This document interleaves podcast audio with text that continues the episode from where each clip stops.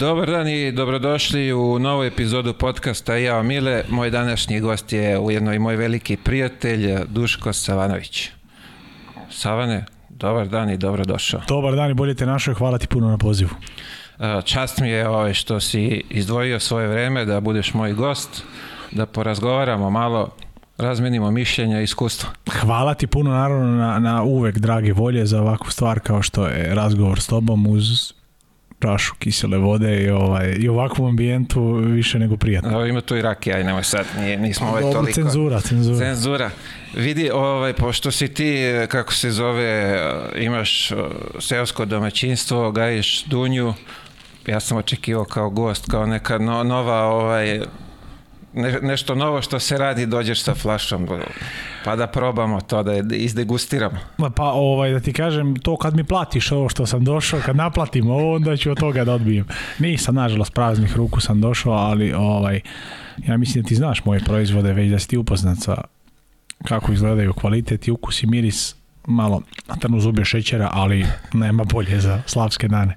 A, jesam, probao sam, Dobra rakija, preporučujem vam ako budete negde naišli na njegove proizvode, možete odmah sad ovde izreklamirajte gde može da se kupi, gde se poručuje. Krupan kadar na mene, molim.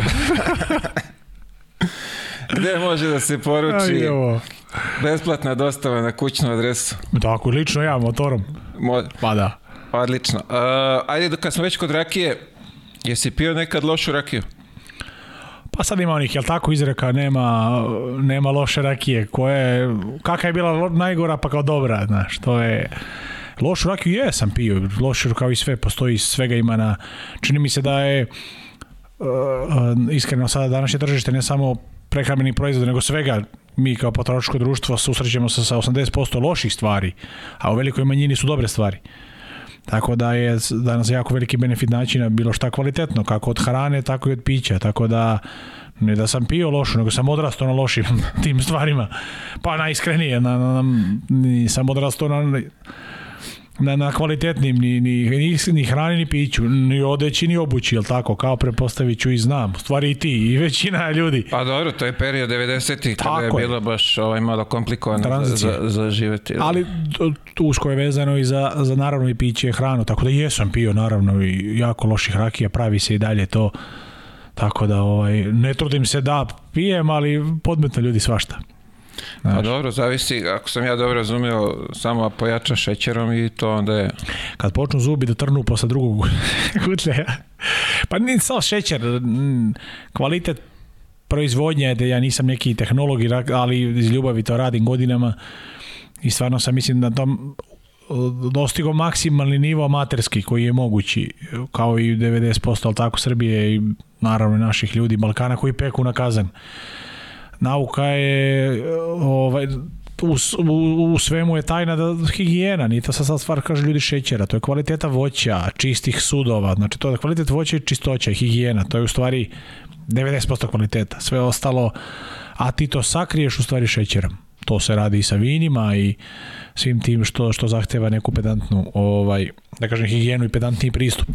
Tako da ovaj eto u tome ćeš ogledati ajde Rakiju, glavno ono, glavna stvar za sve mlađe koji nisu upućeni, a gledaju podcast i slušaju naravno, taj ne bi bila da kada uđete u kafanu, a rakija vam miriša sa stola ko parfem, bilo šta, i čim ostite miris, bežite od toga. Bežite od toga. Ne sme, rakija ne sme da miriše pretano, tako da. Ako slučajno se odlučite, onda ćete tek sutra saznati kako je rakija. Da li glava? pa, pa, ako popiješ litar, ne spašava ti ni voda i, i voli glava je od vode litar, a ne od rakije, tako da, ali da, kvalitet je u tim nekim stvarima. Divno, bra. Ajde u to ime da nazdravimo pa da Ajde. da krenemo u ove sportske avanture i priče. Ma ne smeta Dobro nam došao. Toncu. Živeli, režija. Vanja, ovaj zabušaš, prati nas. Evo samo da pri kraju je jointa Vanja iza da svuče pa će i on na rakiju da pređe. Ustaj malo na... Pusti dim. Pusti ispod stola dole. Pusti dim, bre. Pusti dim. Uh, ajde ovako sad malo da, da krenemo. Ovaj, se bavimo tvojom karijerom. Kako si ti zapravo zavoleo košarku? Kako je to krenulo sve? A,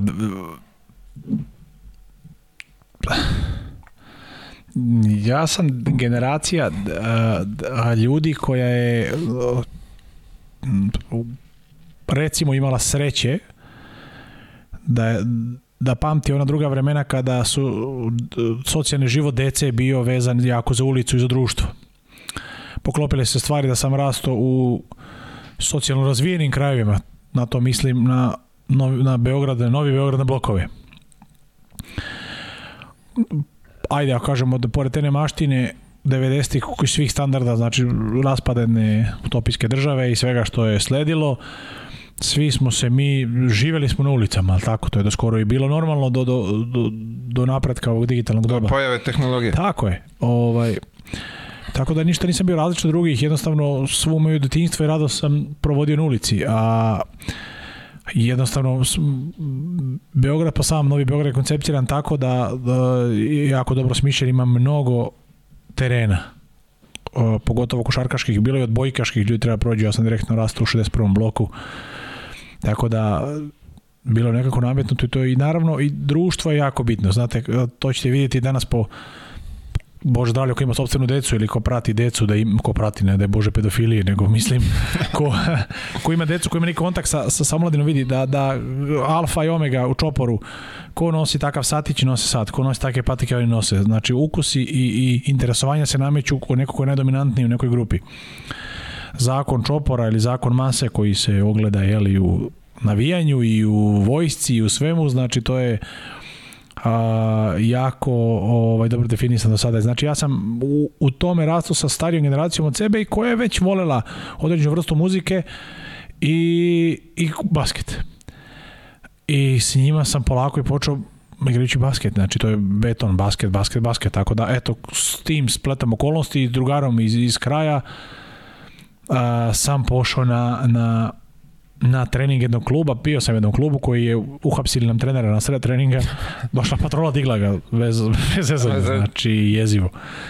I onda smo još sledeće dva treninga bez trenera bili i ove, ovaj, kako njega nisu pustili sa jel, časova klavira dodatnih, ništa, ja ne šta da treniram više tu, rekao i promenio sam i onda sam eto slučajno čuo za, za znaš kako, i danas je tako kod, kod, kod dece nije bitno ni ime ni kvalitet nego lokacija mi najbliži, najbolji Što klub je najbliži, da. hvala Bogu, ja u školi koja je bila najbliža da može bila je meni, bio je klub novo oformljeni klub FMP koji se oformio dva meseca pre toga iz šampiona, kluba koji postoje, to je šampion, koji je već u sebi imao jako dobre trenera, vrhunskog Dragana Dragosavca, koji za sebe takođe ima veliki broj igrača to generacija 80, 81, 82. Tako da, eto, tu sam se uključio i sve ostalo je, neću kažem istorija, budućnost, no, sve ostalo, da. Istorija budućnosti. Eto. A reci mi sad, e, kako ti prelaziš za, za, za železnik, za što bi se reklo, pravi FFP u, u tom momentu. Kako, kako je to selekcija bila? Kako, ko je to selekto? Kako se to izdešava? E, e, veliki gospodin Dragan Dragosavac, znači njemu zahval, e, dugujem ne samo zahvalnost, nego i taj naklon za oblikovanje mene kao sportiste i kao čoveka. I jednog mladog momka koji se bavi sportom, koji je tome posvećen, da nema mnogo utice. Zna, znaš kako, ti u današnjem uh, svetu kad sabereš, kad pogledaš sobstvenu decu, Oni provedu 8 sati u školi, 2 sata na ulici, 2 sata na treningu. Sto, I dođu kući prespavaju, s roditeljima su 2 sata. Tako da veliki uticaj i najveći, a u školi sa svakim profesorom ili nastavnikom su 45 minuta. Ti kad razložiš te stvari, tako su nas učili tada je to istina, oni nisi jednom osobom provedu više nego s trenerom, ako te da se bave sportom. Tako jako bitno da imaš dobrog pedagoga i čoveka koji tih dva sata, ako su još dva treninga, znači to je dva do četiri sata dnevno provodi s tobom, više nego otac i majka. I meni se potrefilo da je upravo on to. I mm, taj moj sam dolazak u železnik i selekcija e, kvalitetnog vaspitanja i momaka od njegove strane, da nije uopšte bila presudna košarka, nego mnogo drugih stvari. To su ona nepojmljiva doba za današnje vremena gde, gde, gde deca mora da nose knjižice iz, iz škole. Da, da, da trener vidi da, ocene. Da, trener vidi ocene i uslovno u tome igraš, pa si mora da budeš upasan, Čoveče, mora sečaš nokte, mora si očašlja, nema frizura, nema minđuša, nema, nije to vojska bila, znači mnogo ljudi mo, moglo bi to da se ugrubo gledam jako šturo da, da, da kažemo vojni režim ali i edukativnog programa, znači stvari koje si učio tu, uh, svi mi volimo pravila ko ljudi, znaš, kad ne bi bilo postojalo pravila koji danas, ti znaš da moraš da vedeš decu, vrtić, škola, vreme ručka, kad je, kad se spava, kad se dolazi, kad radiš, kad ne, pravila nas ubličuju, to nas i razlikuju da ne kažemo životinje, ali to je jedan veliki iskorak čovečanstva, upravo ta forma da se oblikujemo neku formu pravila, da znamo neki protokol životni. Upravo to smo mi od mladih danas sticali kod njega. I to je neki najveći plus koji sam ja mogu da imam u prvi 2-3 godine. To su najpresudnije dve. Ja sam došao sa uzrast 12 godina kod njega, ja sam s 15 godina. 3 godine posle toga već bio registrovan za prvi tim. A ja sam došao kod čoveka, ja znao sam desni dvokorak, košarkašom terminologijom, pa pričamo o košarci, jel? Ja sam znao samo desni dvokorak da uradim. Nisam znao levi. Tri godine posle ja sam bio registrovan, selektovan za prvi tim, naravno, uz znaš kako, sam kako to ide, malo igraš, malo ne, selektom ulazi, izlazi, ali ljudi, Eto koliko je to bio. Da, a, a, vidi, ti sa 12 godina putuješ iz 61. u železnik. A, pa- ne, nije, to tada je bilo, kažem, najbliži klub, to je škola, škola mladost, osnovna škola mladost koja je od 63. bloku, tako da ima da se tabana dva bloka kroz, što je nama, aha, deci aha. Novog Beograda, deca asfalta, blokova, nije bilo problem.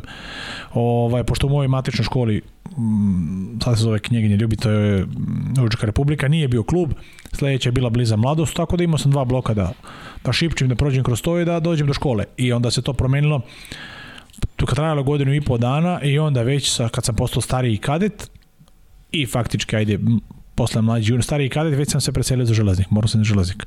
Bio organizovan prevoz, železnik je to jako, da, jako lepo radio, to Nebojš Čović nije prepust slučaju nikad. Uh, ovaj, jako dobre organizacione sposobnosti i kluba i svega da smo mi imali prevoz koji odatle kreće kao i za radnike, tako i za decu, razvozi i dovozi. Ne do kuće, ali do do te škole, do okretnice, onda proštam još 10 minuta do kuće. Svi mi iz Novog Beograda, Datle, ja, Bojan Popović, Janko Tabaković, i Jota Stefanov, ta generacija koja je išla odatle, Vlada Marković, ovaj smo tukačili, pa posle tek tada je, setite se, Beograd imao jedan jedini most, Gazelu. Znači morao bićeš skroz grad, drugi da, kraj, da, pređeš da, popet pa da. nazad. Da je postoje ovaj most, bilo bi lakše.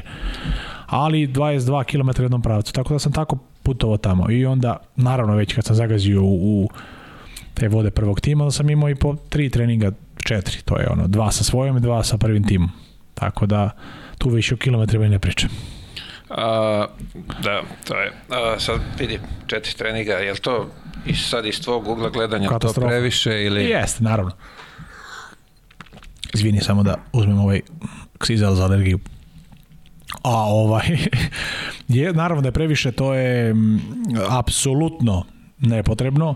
Da, još, još uvek repovi bili to i danas toga imaš. E, stare generacije trenera uvek skače nečega da da je količina kvalitet. Nije. Količina nije kvalitet. Kvalitet je kvalitet. On se ne meri količinom. Zato i postoji razlika, ono, kvantitet i kvalitet. Ali oni, treneri bi, da bi mm, popunjavao broj, da bi olakšao sebi posao, naravno, to i danas postoji. Mlađi popune selekciju, dođe na trening prvog tima. Ja na treningu prvog tima odradim 15 minuta i sedim, ali ja moram da sam tamo.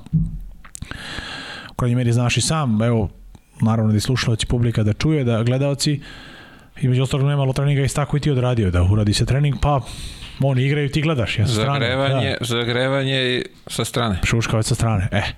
To je veliki, veliki problem da nisu imali obzira da i danas postoji toga da, da, da mlad čovek što mlad kao ma, pa i mlad isto treba da odmara identično kao i, i stari imaju on svoj život i socijalni i ovaj još i napornije dobro se ajde da, da kažemo, brže se oporavlja, ali u suštini... Slažem se, ali... Ti, on je zaslužio odmorni Pa čoveče, tri robot. treninga dnevno, samo tri putovanja, pa on ima i školu. Ovo je 25 godina profesionalni igrač, nema školu. Da. Ima školu, ima roditelje, ima ljubav, ima ovo, treba to sve usavršiti ljudi, bre, to je, to je kompleksno. Ali eto, tako je bilo i kako svima, tako i meni, mislim. Da, nadam se da se nešto promenilo od tog vremena, ovaj, da su ukapirali kako treba i, i, i šta je Pa šta napredovalo, je... ja mislim da napredovalo jeste po klubovima u smislu da to popunjavanje i kvalitet treninga of, olakšano je bar deci što tiče škole i tih prevoza i tih stvari. Pa ajde ima on količinu treninga, ali sama ta logistika je mislim lakša. Klubovi nalaze logistička bolje rešenja za, za tu omladinu. Eto, to je. A recimo sad, ulaziš u prvi tim sa 15 godina, a tamo sve ono ekipa starija, kako te dočekuju, Ka kako je tvoje iskustvo? Pa ja mislim da je bilo kao na traci, nije to nešto specijalno da se sad ti dosta njih se registruju te selekcije, registrovan si da bi imao opciju da bi da bi bilo ovako ili onako, znači ne znam koliko tu količina, koliko je smelo tada se više se ne sjećam ljudi, to je Finston Juba Liga. Ali, 20 i... Da, ja, ja sam, kada sam bio... Koju godina? Da, licenciran, kada sam potpisivao te papire, licence, sjećam se dobro da je, da je Deo Radonjić, sadašnji trener Crvene zvezde, savršavao svoju zadnjim danima karijeri, bio playmaker FMP-a. Ovaj, tako da su to stvari, vidim se, tako su to stvari koje su o, nisu nekako, kažemo, upečatljive, držao bi se njih da bi da sam ja kao potpisao, došao ceremonijalno, neko to je bilo u hodu, meni je bila ne, nenormalna čast san snova, pazi prvi tim, to veze s vezom nema, idem treninge, samo igra, ali neko veliko ostvarenje. Da, to, ali, eto, dobri su da. igrači bili u železniku. Oba, e, ajde, da se dirnemo igrača, da, ajde Dejo Radonjić, znači, kada su kao mladi igrači potpisani, posle toga došao Ognjen Aškrabić, Dejan Milović iz Beovuka, a, bio je Ninoslav Marjanović, a, e, došao je Crne Gore posle Gora Nikolić a, e, i Vesa Petrović, Imam Basarić, Dragan Timotić, Smilja, Smiljanić, Aleksandar Smiljanić, sadašnji trener.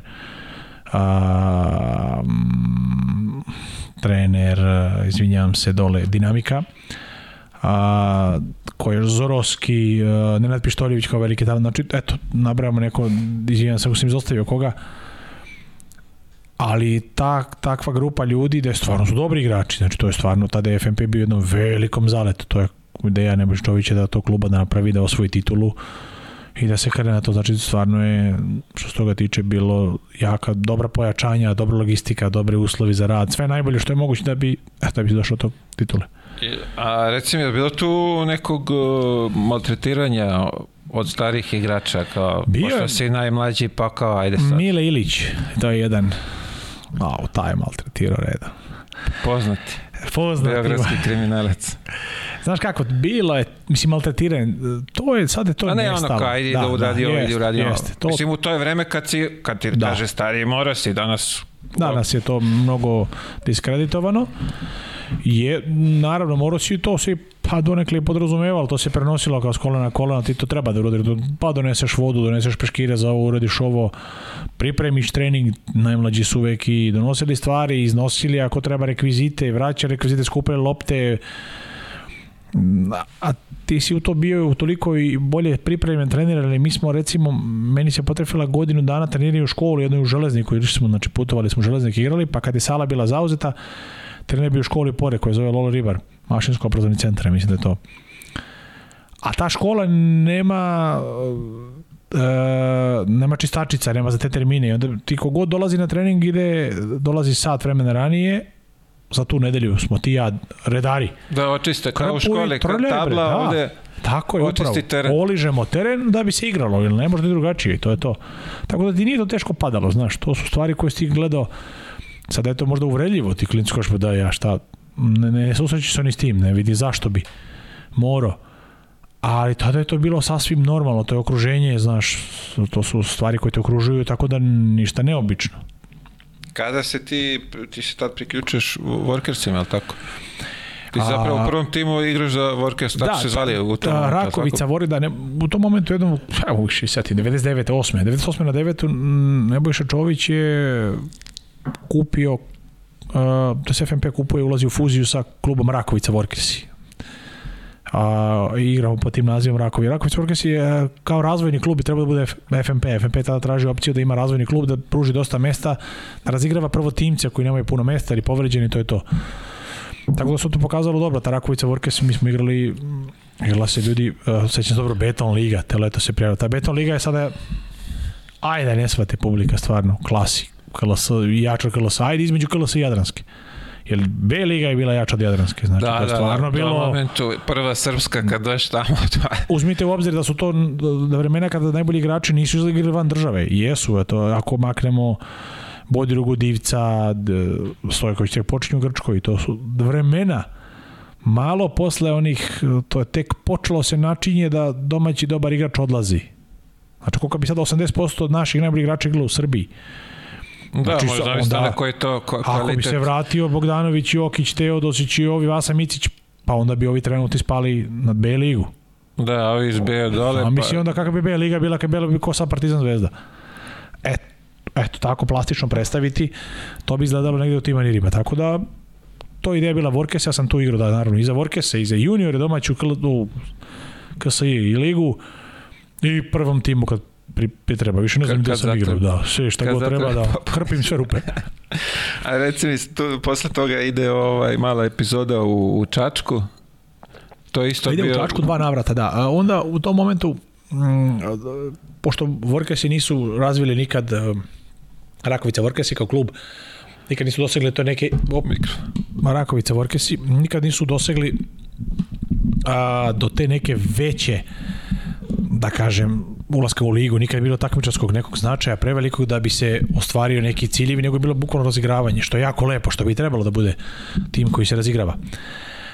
I onda uh, se sklapa dogovor, ugovor fuzija FMP-a i borca, borca iz Čačka, gde se naravno i kako finansijski, tako i kadrovski pomaže borcu, a otvara se prilika da se FMP nagradi time što će razigravati svoje igrače.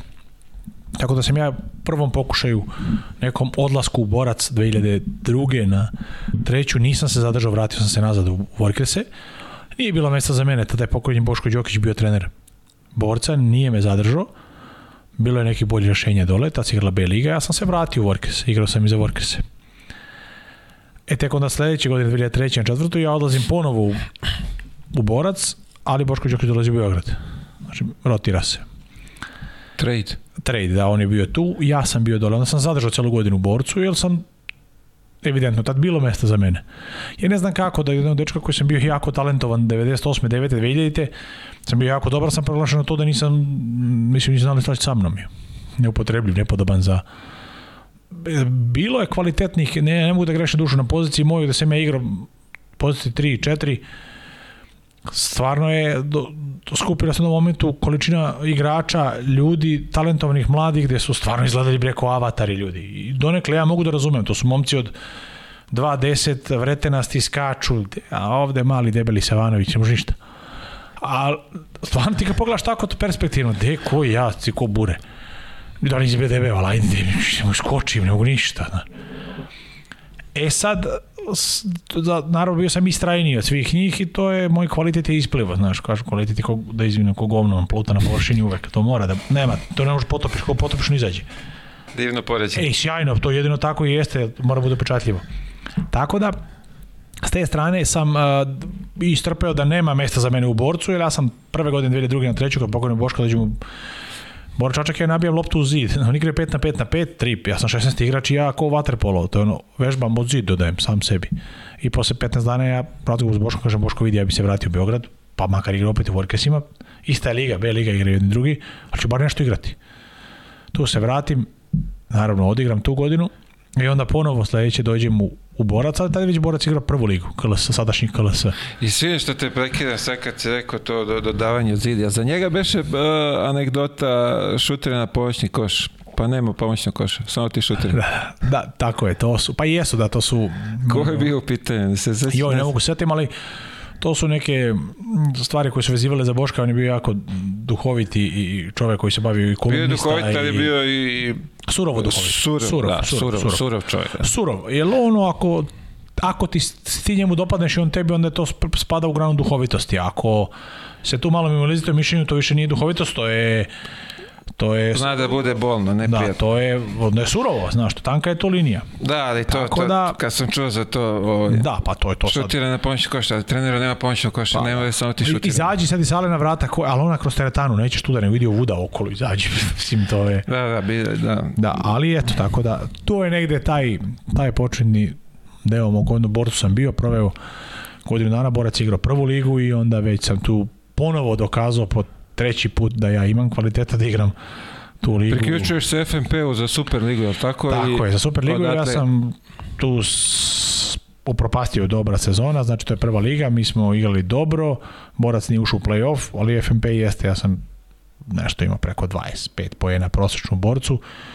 Boško me pozvao nazad, znači vratio me u FNP iz borca i onda se priključujem u tom play-offu u FNP-u i onda ostajem još godinu i po dana u FNP-u tu pola i sledeću, tako Za, da igrao sam dobro. Tih, tih prvih par utakmica u železniku kad si se vratio bilo je stvarno uživanje gledati šta si radio protivnicima. E, hvala, bio si tu pristan, da, bila je... Ovaj... Gledao sam iz prvog reda. Ah, da zajedno smo igrali. Jeste, potrefilo se da sam imao neke fenomenalne utakmice, sam davao po 30 kusur poena, da je, da je jedna od tih boljih utakmica, ajde oni to vezuju meni za Partizan zvezu, sam je dao po 30, ok, da se ne vraćam na to, jesam dao Partizanu i Zvezdi po pa 30, ali e, jako lepa meni utakmica ostala, recimo Atlas je igrao tada isto e, i sreo sam skoro pre godinu dana Luku Pavićević je bio trener tada Atlasa na utakmici, mi smo tu utakmicu dobili FNP protiv Atlasa 60, 50, 2, ja sam dao 35 poena od tih 60. Znači to je bilo neko ko, ko je pre dve nedelje Nije bio talentovan. Da, bio u borcu, bio netalentovan. Znači, uglavnom šta je suština, ne tužne priče, nego i strajnosti nečega, svač ima raznih faktora koji mogu da utiču na tvoj život, pogotovo razvojni put, ali da si istrajan, to veruješ, ja sam po peti, treći, četvrti put koji je pokazao da ja to igram, da mogu da igram, i da suština nije... Izvini, je isto dobar primjer za, za mlađe koji budu gledali, da na prvo ne odustajete, da budete uporni, jer a, na kraju će se to isplatiti. Mora moramo. Istrajnost je, isplati. Tako ako je. je kvalitet u pitanju, istrajnost će uvek ovaj, pobediti. Uh, sledeća godina krunisanja, krunisana titulom u Sarajevu? E, da, e, titulo, pa ostala je ta ista polu, da kažemo, ista generacija, ta FMP-a, gde si naravno i ti bio, ovaj, gde smo gde je jako dobra situacija jednog kluba koji je nije, ne kažu dominantan, gde nije navijački dominantan u svojoj državi, kao što je to problem veliki FS Pilsen u Turskoj, da nema svoju bazu navijača, da ostvari e, neki domaći teren i da ostvari da ne bude pod uticajem dominantnih klubova. Tako da sreća tada Jadranske lige i svega toga organizacija finala tog Final 8-a, to se menjalo Final 8, 4, pa posle 8, pa šta finalnog turnira u stvari je bilo drugo drugoj državi, u Sarajevu. Gde da smo mi, što je uvek dobro biti, e, ni senke, nismo mi bili totalni outsideri, ali nije se baš pridavalo pažnje da mi možemo osvojiti, ako sećaš toga. Gde smo mi to prošli, dobili Zvezdu, Vršac ili Vršac Zvezdu, ne znam kojim redom, ili važno, i na e, kraju Partizan. Vojvodina, Zvezda. Vojvodina, Vojvodina, je Jegurović, da. da. da, je bio Vojvodina, ne znam, uglavnom da. Tako je nešto. Vojvodina, da, Vojvodina, nije Vršac, Vojvodina. Da, mi smo imali, ajde da. kažemo, i sreću, jer je ovaj uh, Ratko Radovanović dole legenda, pa je pa, pa, na da. njegov šarm privoleo ovaj publiku, pa smo imali i podršku pa, ovaj, da, jesmo. lokalno. Jesmo, pa podršku smo imali s Vojvodinom i nečim. Sad, da, da, bilo je okej okay, tu i FNP i Partizan, da kažem, s strane i Zvezda, a to nije ona Zvezda sadašnja, ljudi moraju da shvate, ta Zvezda još uvijek nije bila, no, to je ona, onih doba teških vremena Crvene da, Zvezde, da, da, da, to je. u oporavku Partizan je tada bio u dominaciji, I sada kao i svi ono protiv sudije i protiv najboljeg. Znači oni su bili, ajde kažem protiv, a bilo je opet i navijača pristalica Partizana koji su navijali. Pola pola, ali opet i za nas, ako sećaš značilo pola, imamo brije pola, hale navija za tebe to. Pre u železniku stane koliko stane 2000, svi 2000 za Partizana navijaju. Ti u železniku igraš gore ti nego da igraš u pioniruju. Tako da je, a ovde bar bilo Neprijatno pola, se osjećaš da, na da, svom, da, svom terenu. Tako da i ovde bilo sasvim korektno, to je odlično bilo i naravno mi smo tu stvarno kvalitetnije odigrali, bolje odigrali i osvojili to Bogu. Sećaš se nekog momenta sa te finalne utakmice? Sećam se dosta tih košarkaških momenta i tih nekih stvari. Ovaj, to je nešto što zanimljivo. Ne znam da bi, da bi nešto izbacio aj ne, ne, ne znam. Sad te utakmice same, eto znam da je to fina, ne znam si toga sećaš. To jako to mi je ostalo u glavi.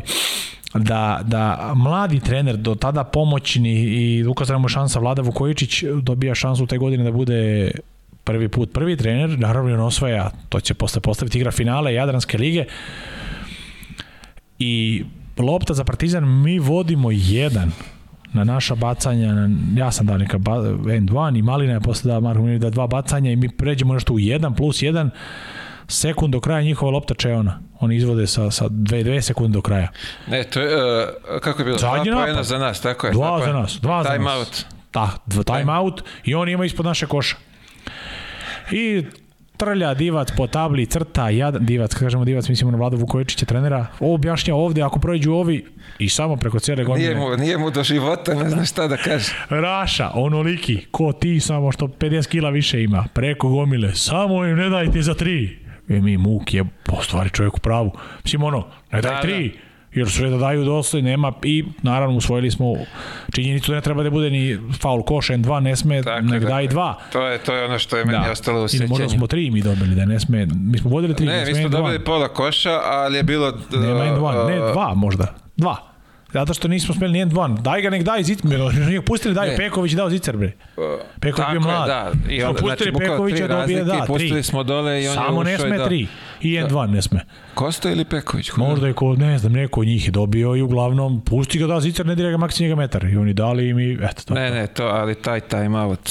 To je taj out Divac se znoji, ne znam šta da, šta da nacrta, šta, šta da kaže. Šta ti da crtaš tu nema, tu go... I, I raša iza. Koji stop? Ne dajte za tri. E, to mi je ostalo. Eto, tako Istali da. smo u čuvenu potkovicu i pobedili. Poko, da. Bugarku, po... nemoj gore, beži gore Bugar... 9 metara, ne, samo da ne primjer. Poredili se po liniji za tri pojena i pustili ih za dva i... Eto. Ćao, zdravo.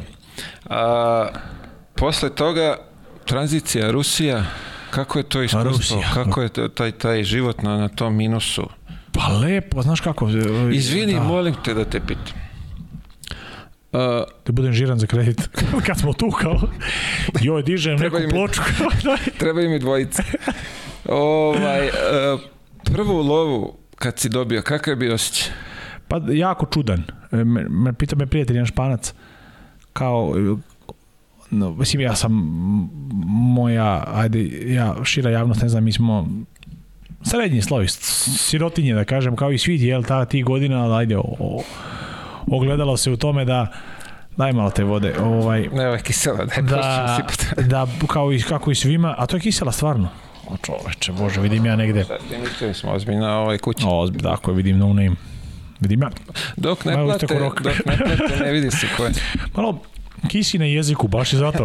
Kisela voda. Ovaj, prv, taj osjećaj kad ti dobiješ velike pare, ja sam vraćao dugove prvih, jer ja sam se zadužio kod, kod, kod prijatelja na te neke sitne varijante na dobro, dobro, idemo, ljubim te. na motor sednem posle. Neću vam preterujem. Ovaj, sitnih tih, ili ja sam živeo sa jako malom platom i malim parama, nije preostalo ništa naravno u ovom srpskom periodu i sad malo po malo kod kuma Bojana Popovića, kod e, Rašića, kod prijete, tako sam positno zajmio para i to se nakupila gomila. Znao sam da ću vratiti samo da naplatim. Naplatio sam prvi, ja sam prve pare vraćao dugove. Kako što rekao da naplatim kao da je kamata. Pa kamata da mnoge nekom izujem. I kad sam to odradio, ovaj, onda sam a prve pare da, kad sam to vratio, ali taj osjećaj kad ti to, mislim, meni legnena plata kao puta deset sve što sam zaradio u životu, znači do tada, što je super. I onda pitaj naš sam prvo trošio, pa ja sam jeo, ja sam 7 dana jeo po restoranima, jer ja to nikad nisam mogu da priuštim. Ja sam bio car ja sam jeo, išao u restoran, poručim, jedem, pijem, i ja sam gladan bio, znaš. Znači, to je stvarno, kada je ta prva lova legla, ta još je da ja mogu da idem u restoran svaki dan da pojedem nešto, mislim, ni to ništa bilo luks, ali čovječe sedam da me neku uslužim da donese. Car, ja sam samo jeo. Eto, to, to, to je neki još ja pamtim prvo novca. Još sam gladan. Ajde sad da se vratimo na Rusiju. Odlazak tamo odlazak tamo, to je to. Unix Kazan ulazim u, u klub koji je tada jedan od najboljih ruskih klubova, ono, bara CSKA. Uh, prose godina 37 plus. E, moj prvi kontakt, ja dolazim na trening, tim menadžer me dovodi na trening, ono naravno 20 minuta pred početak treninga, nije me doveo ranije, ne mogu sjetim zašto. Vidi, ja ulazim u ono hamam, Tursko, to, to je dima, ja ne vidim metar ispred sebe. U slačionicu ulazi. Da, to je cigara, kafe, čaja, Turci dosta piju isto čaja, znači to nema, to su dva, o, ekipa je bila sa Olu Štomberga, Sigor Kudeljin, Jegor Mešerjakov, Kšištof i Dariju Šlavrinović, oba brata, Martin Klives, a, Peter Samoilenko, a, znači stvarno su legende iz ruske košarke, kako ove litvanske, i ovaj i u, u tom momentu ono, ja se obukao, naravno pozdravio svima, ja zdravo i sad 10 do 7 ja ulazim u salu, ja sam tapkam loptu što košu, 7 i 10 niko, 7 i 10 niko, 7 i 15 promoli glavu, pomoćni, izađe, vrati se. 7 i 20, op, evo ga Kudeljin ulazi, najstariji. Naravno, Kudeljin trenirao sa Lančićem i prstanom i starkam, ono, plitke simod neke, simodke kožne one. I 7 i 30 počinju lagano da ulaze, trening počinju 7. Oni 7 tek ulaze u salu. Kad se nakupi, siđe trener. I mi, to je moj prvi kontakt, gde sam ja došao, bok te. Pazi, prvi trening, ono mi smo tu gazili. Ti kad uđe kapiten, onda je dozvoljeno svima. Ono je, ti nisi zna, puši, zategne, da, da, dok je, ali kako, ko kad uđe, čeka se, nema. I onda ušli, stvarno su bili jako dobri, dominantni, tako da, te dve godine, te košarke tamo i toga s takvim igračima igrati, to proživjeti, kvaliteta života je dobar je, ja volim zimu, E, te ruske zime nisu ekstremi, ni to Sibir, ali i hladno je kada već u novembru krene minus i nula i sneg čine. Što to da- znači to nije, nije, nije hladno u, u pa Rusiji? Pa, da, da kažem da ti je to, to pojam koji kad živiš u Srbiji oko Raške ili oko Kopa ili eto to. E, znači konstantno minus 25. Nije, nije. Bude momenta u januaru minus 20, ali nema tu vetrova, nema vlage vazduha. Tebi minus 20, ku, hajde ovde imamo, pazi, nama u BG u, na, u Beogradu ovde, na, na, na minus 3, 4 duva košava Ljudi bre, to je nenormalno ladno, tamo nema toga. Nemaš vetrova tih. Znaš, bude, bude minus 15, 20, znači bude minus 20, ali to traje, da kažemo, to je jača zima, srpska jača zima. Eto, svako ko živi u krajevima da ima zime okolina Zlatibora, Stare planine, Kopa, to je to. Nije to nešto nekstremno, Sad vamo Sibirska oblast, jeste. Ali tu gde sam ja bio kazanje, sat vremena Moskve, nije ta Tatarsta ni to. Tako da, eto, bilo prelepo. Znači, jedno sjajno, sjajno, na, baš lepo iskustvo. Dobro, e, Kudeljin, cela ta ekipa, su reprezentativci godinama Rusije, da. ozbiljna imena fenomen, da, pa Igor Kako Kudelin. Kako ste da. dočekali da. oni tamo? Pa sjajno, Isto znaš kako, tamo, da. Ti si došao s 22 godine, 22 godine. Da. Uh, su odlično, mogu ti reći, fenomenalno, ovaj, jako dobro, možda neki problem, to su već porodični ljudi bili i malo je tu momaka bilo da je da nema da nemate ženu i decu, sad se ja treba uklopiti, znaš, ja sam ili ajde s devojkom sam naravno, mojim bivšom devojkom, sada ženom, prvom ženom, tamo, tako da, i, i oni su jako do, dobri tu bili, tako da jedino možda taj element, moment nije uklapanja, prihvatanja, da, ali tog socijalnog života, razvitka, jer oni su postane negde kući, deca i to, ali su tu bili jako dobri jako su dobri momci, čestiti ljudi, pošto kako bih rekao, nema to, to postaje više danas utjecaj mnogo veći iz, iz zapada, ne kažem zapada, neke kulture koja je nerazvijena, oni su više, tako kako bih rekao, i tradicionalno orijentalno, ajmo i kući i žene su drugačije družile, porodice među sebe, oni su imali svoje momente kad mi igramo, oni se druže zajedno, provodili su mnogo vremena, kvalitetno vreme zajedno što nisam viđao pod mnogim državama gdje sam posle igrao, tako da dobro, to vremenom se to menja i razvija i zavisi koja grupa ljudi dođe, to bi bila stvarno dobra preko sam Sergeja Čekalkina, preskočio sam to, da, znači tako da ne samo što dobri igrači, dobri ljudi su bili, što je što je suštinski veći, veći plus i bitnija stvar nego... Najbitnija stvar da, da. ti prihvate ko ljudi, a ostalo je nebitno. I ono kakav je, kako biš, kakav je igrač dobar je, kakav je čovjek, bolji igrač. Bolji igrač, da. Bolji igrač. Kaka riba. Da. ovaj, sad iz, iz Rusije, s tog minusa, se se za Španiju. Dolazim u Sevilju, sa prosječne vamo, majde, zimski minus 20, u Sevilju dolazim de, de, de mandarine, naranđe cvetaju punice. Najtopliji grad u Evropi. Da, bio je momenta, to smo igrali zajedno, Mililić je bio moj saigrač, iz FMP-a i u Sevilji potpisao i došao pre mene. Jer ja sam kasnio moj dolazak prvi u Sevilju. Izvinja, koja priča? O Milatu Iliću. Na zdravlje. Ja sam kasnio, uh, imao sam za reprezentacije i to se igralo umočili smo mi negde do polovine septembra ja bi se priključio sa ekipi, ja nisam ni obavio ni pregled ni ništa za, za Sevilju, jer čekam završenu reprezentaciju pa ću onda obaviti, tek nemam ništa. A ti si već došao, ti si, ono, počeo sezonu normalno s klubom. I moj prvi dolazak, da, čoveč, ono dolaziš tamo, ono, naran, bukvalno naranđe, kako danas u Bolevar, da su platani, da je ovo tamo, ono, naranđe, cure, oni, crnci, hirakški stojeća skuplja, ono, ono, cure niz puteve, lopatom baca i tako da i prvi taj dolazak i kontakt i generalno sa Seviljom je bilo wow, fenomenalno. Tako da tu tek ima priča i svega, ima, da. Ima anegdota.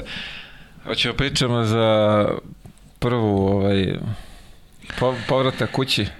Hoćemo, evo, ajde, ja ću ispričati, možeš i ti, Mili, kakve veze ima, ali ajde, evo, ja ću svog ugla u par reči, znači, ja dolazim, sledećem u Sevilju, e, oko 6 sati, tamo sunce zalazi jako kasno, oko 9, pritom sledećem javljam se Miletu, mene skuplja tim menadžer, uh, vozi me u stan, da ja ostavim stvari. Ja ti menadžeru govorim, ok, ja ću, dogovorio sam se sa Miletom koji je tu, vodim Miletom da večeramo, klopamo nešto i s njim se vraćamo ostatak. On kao važi, hajmo onda bar do stana da izbaciš stvari.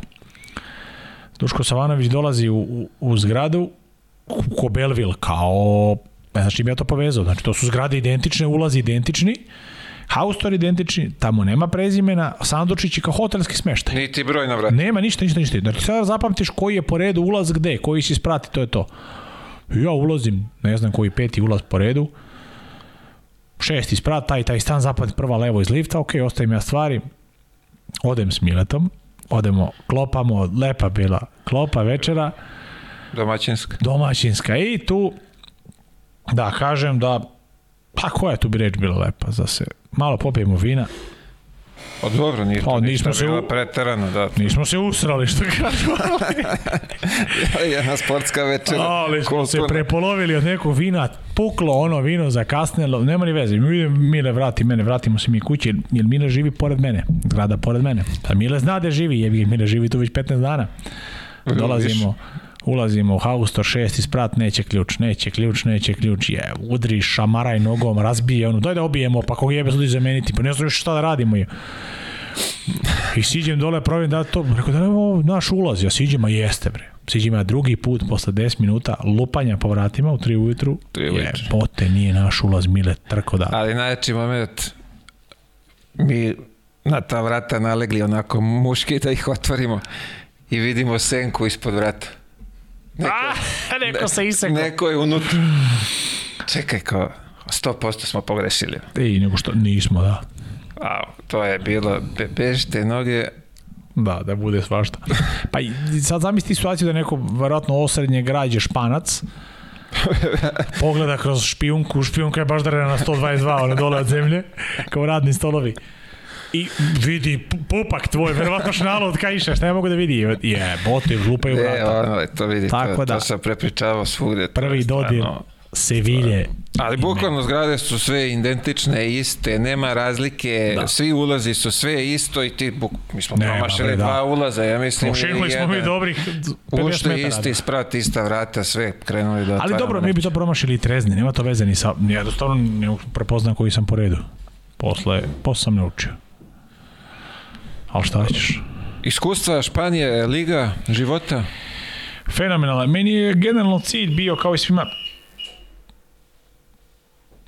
Nešto nama, nešto struje, nešto. Evo Grega Cepalini kreće da radi. Ovaj, um, mm. ja se izvinjam. Dobio sam neku poruku neverovatno glupu. E, španska liga meni i nama tada, znači mi nama, to je bila de facto najbolja liga 2000 tih tada, kasno, Da, ona je važila da. u tom momentu za neču ligu u Evropu i Meni svi smo želeli bio, da, da. budemo da. tamo, da. I, I ja da sam to i ostvario i da odem u tu ACB ligu i otišao sam naravno sa velikim očekivanjem i bila je stvarno jako dobra liga. Ovaj, nisu se stvari poklopile, bar meni te prve godine u Sevilji, ja sad dovedem kao neko veliko pojačanje pojačanje, kao nešto, nešto što bi trebao da, da, da doprinosi da radi. Međutim, kod pokojnog trenera Manela Komasa m, mm, nisam naišao, nismo naišli, a evo kad si ti tu, to je jako lepo primjer, smo obojice bili u istom paketu. E, vidi, ja sam kod njega imao dobar status dok nije otišao. Vidi, e, onda je nastao problem. E, a, status. A, e, ako ti sjećaš našeg statusa, status, šta znači status? Mi smo četvrtu utakmicu protiv San Sebastijana, kući, odigrali nula minuta i ti i ja, da je on na preskonferenciji rekao Uh, zašto ne igraju Ilić i Savanović nisu igrali, pa kao oni nemaju no tienes nivel para jugar, a sebi nemaju nivo da igraju ACB ligu. I onda sledeću utakmicu mi gostujemo u Madridu I ti ja damo po 20 pojena, idemo kući. A igrali smo samo zato što... Faktički doneli smo tada i pobedu. Im. Pobedu, bre, čovječ, u sred Madrida. U sred Madrida. Dobili smo Joan Plazu koji nam posle bio sledeći godin trener. Ali nemamo nivo. Kakav bre status imamo kad četvrtu utakmicu, četvrtu utakmicu lige. To je bre druže 31. oktobar je. Mi nemamo status da igramo, igramo 0 minuta. Ja došao iz kluba i ti si došao dakle kao pojačanje nečega. Znači nije to bilo dobro koordinisano. To je nekako oni njega hvale vidimo po medijima to Manuel Komas je bio veliki trener malih Dobro, klubova. tamo legenda u veliki u... trener malih klubova. A, a, Tako reći. Ajde ne znam da li je dobro da ga uporedim, ali sa pokojnim Milanom Stepanićem. Pa recimo Stepi, da. to je to, to, to, to, ta to klasa taj, Stepi. Taj. I sad dobiješ i on nije znao da iskoristi, imali smo, sećaš se, ajde tebe i de Migela, uh, Mene, tu treba uklopiti jednog matorog, sporog, jednog visokog dugolendru ko ti, jednog malog debelog ko ja, treba crnca koji skače, I koji igra. I bio je naš veliki prijatelj, kako se zove, Hu... Da. Juanjo Triguero. Juanjo Triguero. Juanjo da. Juan da. na, na, na, na 3G igro stalno. to je dobar je. Ali treba to sve sklopiti. To, tako da je jako lep futbalski termin. Ako, čuli ste dosta puta ono, uh, uh, menadžer. Znaš, on je sad ovaj Ferguson, menadžer, on, treba biti menadžer tu, tu stvari treba Tako, uklapaš. Treba znači, da uklapaš treba znati ljude, da, da, vodiš. Tako da, eto, te stvari prve godine se nisu poklopile, on je, Manela Komas je dobio otkaz ili je otišao sa ne setim i dolazi Pedro Martinez. A čekaj, e, dok smo sad ovde, da. Madrid, da. Real, Dobili da. smo Reala u Madridu. Da, to smo... Čovjek ulazi u slačionicu i kaže šest dana ste svi slobodni. Jesmo, da, 16, ali mi smo imali tada pauzu. Um, ja sam išao do Beograda, da produžim naravno špansko, dobio sam 45 manjana za dokumenta. Ma manjana, manjana, sutra sam. Ja godinu dana čekam liču kartu, nemam dokumenta, ne mogu da ostanem u državi. I onda moram na silu da idem odatle, unazad, to su bila doba kad su još bile vize, čoveče. Da, da, da Produžim da, da, da bi dobio da, radnu u ambasadu da. u Beograd i to završio pre mene. Ne, ali e, ja sam onda... u tog sezone mora se vraćam po isteku. A ja sam posle Madrida odmah otišao i došao u, u Beograd. Znači, to smo da, šest dana slobodno. Bila neka i pauza u, u ligi, ali dao nam šest dana da proslavimo. Kod da smo uzeli. ne, to je, vidi, dobiješ Real u, u, u Madridu sa srećan. Kao, sa sedam igrača. Kući. Nas je bilo sedam. Da, bilo nešto i povređen. Da, nešto bre, bilo. Sakato nije klupi, niko bio. Zanimljiva jedna utakmica bila, ali eto. Dakle. Mogu da se hvalim, dobio sam Madrida u Realu, ako niste znali. Ovo ovaj je Real, Real u Madridu, obrat. U, u, u, Madridu, da. Ovaj, ali kad si kod dokumenta, to sam od tebe čuo, da su mi završili papire da budem berač pomoranča. Tako ste. Jeste. Ovaj, i kada oni, um, najlakše tada je bilo za Španiju, to su do vremena, mora shvatiti da ima opravdanje, zašto? Moja žena, legalno mi bila žena, znači venčani list svega, nije moglo državu dođe, nego je meni saigrač morao koji je član Europske unije, u tom momentu Andreja Pećile, Italijan, slao papire kao pozivno pismo mojoj ženi da je ona čitačica kod njega. Da bi ona s tim papirom otišla u ambasadu i dobila vizu da ode, nema to veze što moj muž igra u klubu, ja ima, ima ugovor o radu i ima da ne može da ode. To su bre debilna vremena ljudi. On, znači, moj saigrač, to je meni Pećile, dva po pomogao kod toga.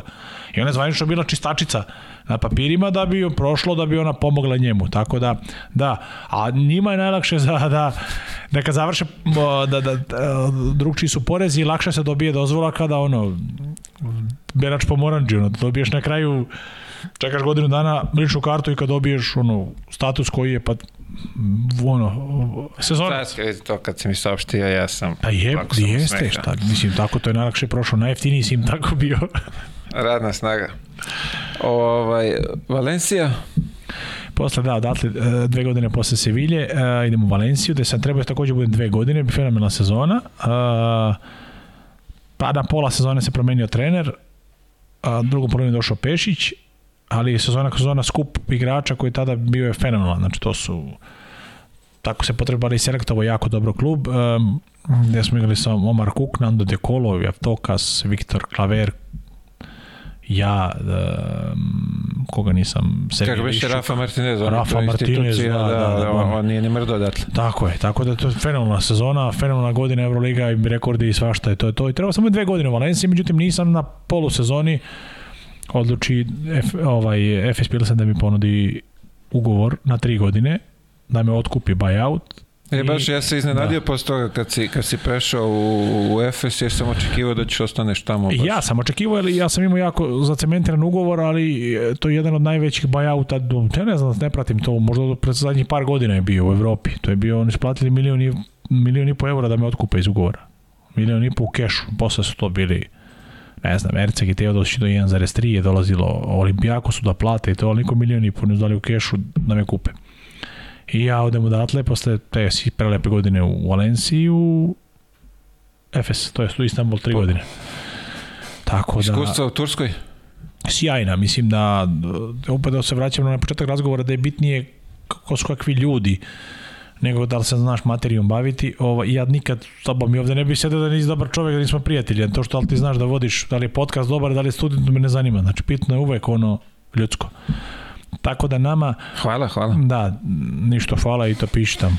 Ovaj, nama, mišljenja sam da nama Srbima, da smo mi u stvari najsličniji tome upravo, ajde kažem, tom turskom mentalitetu i uh, shvatanju života i svemu. Možda ne po fizionomiji, da vučemo neke druge korene, ali na način kroz života, istoriju, onda i razumljivo zašto je to tako. Je. Tako je, to upravo se prepoznaje da sva naša ishrana kultura i socijalni život taj gde se ogleda u tome, bukvalno ajmo na kafu, da je kafa znači šuplja priča, ništa ovo možemo da, i da se ćuti i da to je to, to samo tamo ima. Mi tu veze s tu sa Rusima nemamo, što kao ruska braća, možda ne kažem genetski ovako, ali stvari po toj nekoj e, Dobro, socijalnoj svesti. mnogo hladniji su nego... Pa jesu, ima i razloga, opet kažem, to je teritorijalno orijentisano, pa zato, znaš, sve utiče na kvalitet života, zašto su takvi holandjani, zašto su takvi britanci, sve ima veze sa načinom da živiš, zašto su opušteni španci, francuzi i grci, što su lenj, to je to, znači to su stvari koje mora da bude vezano za za podemlje da živiš. Um, tako da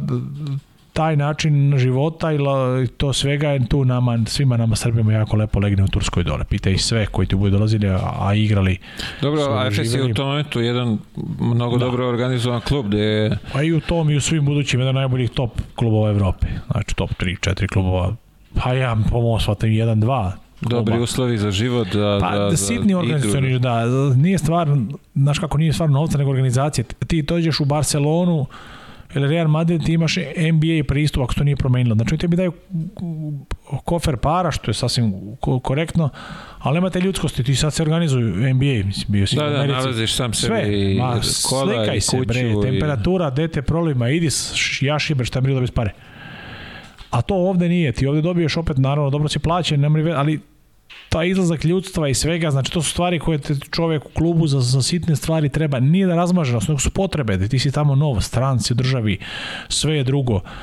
Znači to su baš lepe stvari, detalji koji, i tu i Valencija jako lepo da radi da odredi čoveka koji će se baviti ajde ne samo odnos sa strancima nego da, da, i fizička podrška znači znaš da treba ti nešto ja dovedem porodicu ženu decu ja nisam u, toj, u tom gradu, toj državi. Ona je faktički sama, ne zna nikoga, ne zna ništa. Kako moja, tako i hiljade i hiljade sportova drugih žena drugog sveta sveta. Znači, ne, to da, da, da. ne bilo da je. Zamisli, neko iz kluba dođe, pomogne, uradi ovo, nađe se ovo. E, to su te stvari. Tu FS je besprekoran. To su ti mali detalji da. koji čine klub veliki. Tako je, to o, Turci po svojoj prilici jesu takvi gostoprimi. Mislim, ja sam se selio u, u zgradicu, ima dva sprata, posle u stan Igora Rakočevića, posle mene došao Krle tu ne, Krstić u Efes, one stane. U toj zgradi na trećem spratu gazdarica pozvala drugi dan na, ja sam sam došao da, da, da dođem na večeru, znaš, kad dođe ono, sofra, ne znam, ja ne, ne znam reč turskog, ne znam, ne znam reč engleskog, ali ja ba, mam, ajmo jemek ovo, da, mi te, da jedem, da jedem, da ćutimo, znači, that way. Ono ko se gleda u filmovima, znaš, ono, ili on američki fazom kao bring the pie, American pie, donesu kao dobrodošlica, ono, stvarno ljudi pozovu Eto, to je... Da, to da, je... ti pozovu kuću, ugostite, dođu, gost, da došao si, da... si novi komšija, dođi kod nas da, da jedeš, čoveče, ne znamo da beknemo, eto, dokle to ide. Tako da, to je stvar koja stvarno te zaokupira, kupi, ajde, čoveka, kažem, emocionalno ovako i, i, i bitnije nego sama košarka i koji posao.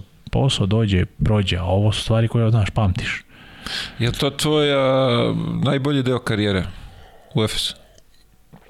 Znaš kako, um, mnogo, mnogo puta sam nalazio isto pitanje, gde e, u principu e, košarku sam ja igrao da kažem na, na jednom dobrom nivou stalno svuda, prema potrebama da i ne možda naj, najlošije efikasnost. Mislim ovako ukupno košarka i život, na e, to e, mislim, ne kažem, samo košarka i samo život. Da. Zato bi razdvojio to. Ja mogu da izvedem samo jednu moment da, da, da, je, da je najgori, pa onda sve ostalo svedem. Znači sve je bilo identično, sem jedne godine, možda moje prve godine se vilje da je moja košarka i sastavim odnosi život na sve tu što je bilo, što je pratilo, nije bilo na tom nivou. Kako bi trebalo da bude. Ali sve ostalo, ajde, Bayern Minhena, te neke životne, da nešto fali malo, ali jako dobro, ja nisam imao oscilacije apsolutno nikakvih od moje 18. 19. godine košarkaški do, do zalaska karijere, ja sam košak uvijek isto igru, igru, bio sam standardan igrač, što je dosta zahvalno za trenere i za klubove. I životno sam se uklapao jer sam imao i sreću da, da nalazim dobre klubove, i neka okruženja i moja ideja je bila uvek da nikad ne idem nigde da ne, na godinu dana. Nisam to želeo. U saradnji sa agentom nema šanse. Znači, meni minimum dve godine. Znači, hoću da dve godine minimum negde gde god daje. Pa spustit ćemo i kriterijume, ali dve godine. Mora da neku stabilnost psihičku. Jeli, ako omladina koja sluša godina nije godina, godina košac je 10 meseci, 9. Da, da. Znači to, ja odam u septembru, odam u septembru, treba da se vratim u martu, u to aprilu, je, to ne 10, tako igraš finale. Tako je, znači u nekom slučaju 9. da igraš finale. 8 i po, 9, tako da ne, ne želim da stalno menjam to, da to mi je bilo jako odbojno i, i s tim s tim u vezi želeo sam uvek da imam dve vezane bar godine, tako sam i uvek konceptirao i cela moja karijera, sem tog što sam presekao godinu dana u Valenciji što su me otkupili je bilo sve na dve i plus godine. Tako da. Jasno. Da. Hoćemo se dotaći Bajerna iz Kutka Gore? Pa ili... hoćemo lepo Bajerna... A, Bayern dve godine potpisan za Bayern Minhen, klub sjajan, organizovan, znači stvarno Bayern Minhen, to je tak, mada on suštinski nema veze sa, sa futbalskim klubom Bayern, to je frakcija njegova da on neko mini, minimalno sponzorstvo, nešto možda milion dobije od, od futbalskog giganta. Sve ostalo se klub kao klub sam snalazi za sponzori za ovo. To radi management kluba, marketing, tu je Marko Pešić, tako da ovaj oni tu si sjajno nalazi sponzor, radili dobro. Tako da bilo je dobro, kažem, meni je Bayern kao Bayern košarkaški bio jako dobar. U smislu ra, jače se radilo, treniralo, pretreniralo, naravno radili smo sa Svetislavom Pešićem, svi zna njegov koncept rada, znaš i sam, radio si kod njega, životno je bilo drugačije, meni je teško palo životno iz razloga što život mi je ja sam jako ako ta reč meteoropata, jako volim vrlo sam velik konformista u smislu ja ne mogu da funkcionišem, ti si čak živio u Bilbao Meni je jako, jako teško padalo život u Minhenu jer je tu 300 dana godišnji kiša. Ono, I sivilo, i tuga, i velika su pravila. Mene možda vuče taj malo balkanski sistem da ja mogu možda nekada nagazim liniju točkom kad skrećem ili da parkiram, ne, ne, ne kažem da sam kabadahija, ali vidi, znači mi to, tako da strašne stvari sam tamo proživio što tiče tih pravila, da ono stojim u mestu, četiri migavca, ja, ja nagla i pokucam mi čovjek na prozor i uručim mi kaznu. I ja dobijem, čitam ono jagla, krenem zdira, hala, hala, nešto nemačkom, ah, na, kofirer viče na ovoga, Kazno juri ga, ništa, ja, jagla njega juri, ja za jaglom u auto, pa si iz auta za njim po kiši ode i vrati se, šta, čovjek, šta ti dere, šta sam ja dobio, pa kao dao ti kaznu, uručio ti kaznu, stojiš više od 15 minuta u mestu. I pa mi 15 minuta, 4 migavta čekamo doktora, siđe ga, pokupimo. Ne smiješ stojiš, evidentno nisi smio da stojiš 15 minuta u mestu. Pokucu uručuju mi ono. Vidi, debilno čoveče, da me ubeđuje neko da to tako treba, je, to je suludo je. Ali ja sam popasao, znači te, takve stvari su mi civile takta, tako da taj Bayern ako ta životna strana je bila da ja nisam tu mogu se uklopim, jel ne, aš imam ženu dvoje deca u tom momentu, ne možemo na prošetam, ne možemo da mrdneš nigde. A, to je industrijski grad koji živi do, do šest. U šest se zatvara, samo pumpe rade, možeš sandwich trougla, onog, prošetaš, nema tu tržni centara, ti nešto, jako je sve frigidno i tome mnogo, znaš, mnogo mi je to smetalo, ja dolazim iz Beograda. Dolazim u, ajde, iz Kazanja koji je fenomenan grad za život, pa se Sevilje, živeo si dole, gde žive ljudi ko cigani do, do, do tri, ne kažem da ne izlazim, nego mnogo je emotivnije, socijalnije. Pa Istanbul, Valencija, Istanbul. Gradovi gde žive po celu noć, 24 tako sata je. i dolaziš gore sin, gde sin. se ja zatvara opet, sve u 6 Tako je, da naglasim da nisam osoba koja u diskoteka, klubova, izlaza kafana, ne. Nego bilo čega drugog. Ovo tamo nema ništa, ma kanal, ljudi u 7 kući spavaju i oni ustaju rade ujutro, to je to. Da, da, to je to. Ako ne, ne, ne, ne uzmeš potrebne namirnice tako, u, u 8 Banana, si... gricka nokte. Tako da to je bilo ok, naravno moja etapa tamo s Pešćim bila jako loša i ovaj, ne znam, on je bio pola godine trener u Valenciji, misleći da će to biti naporno fizičko-šarkaški, ali da znam šta očekujem, nije bilo tako. Bilo je jako loše psihički njegovi ljudski odnosi prema svim u klubu i meni, naravno. Moje je kulminiralo u tome da sam ja to javno rekao, ali nemam razloga da krijem zato što ne vidim bojazan da niti iznesem to, niti ja ne pravim skandale od toga, nego su na pitanje kako je bilo bila katastrofa, ali mislim da je to tako, to je istina koju treba neko drugi da bi onda objasni, ne ja, to nisu optužbe, niti ja sam samo izneo šta je bilo, znači to su nenormalne stvari. Naravno da podvučem mislim, završim sve najgore i mislim o tom čoveku i tako da eto, to je neko moje lično mišljenje, subjektivno je, ne mora da... Je to da... najgora sezona u karijeri? Pa košarkaški opet nije, ali kažem ja ono odvajam to košark, meni nebitno da je sport. Jeste najgora, zato što mi je to e, te moje druge godine kad se sve kulminiralo prva je bilo meni je umro otac e, imao sam e, porodičnih tih eto naravno smrti najteža ovaj ja pored toga proživljavam takve haotične situacije sa, sa, sa trenerom koji je takođe moj zemljak on od koga se najmanje nadaš da treba da stane uz tebe te podrži ja proživljavam torturu. Pazi, torturu.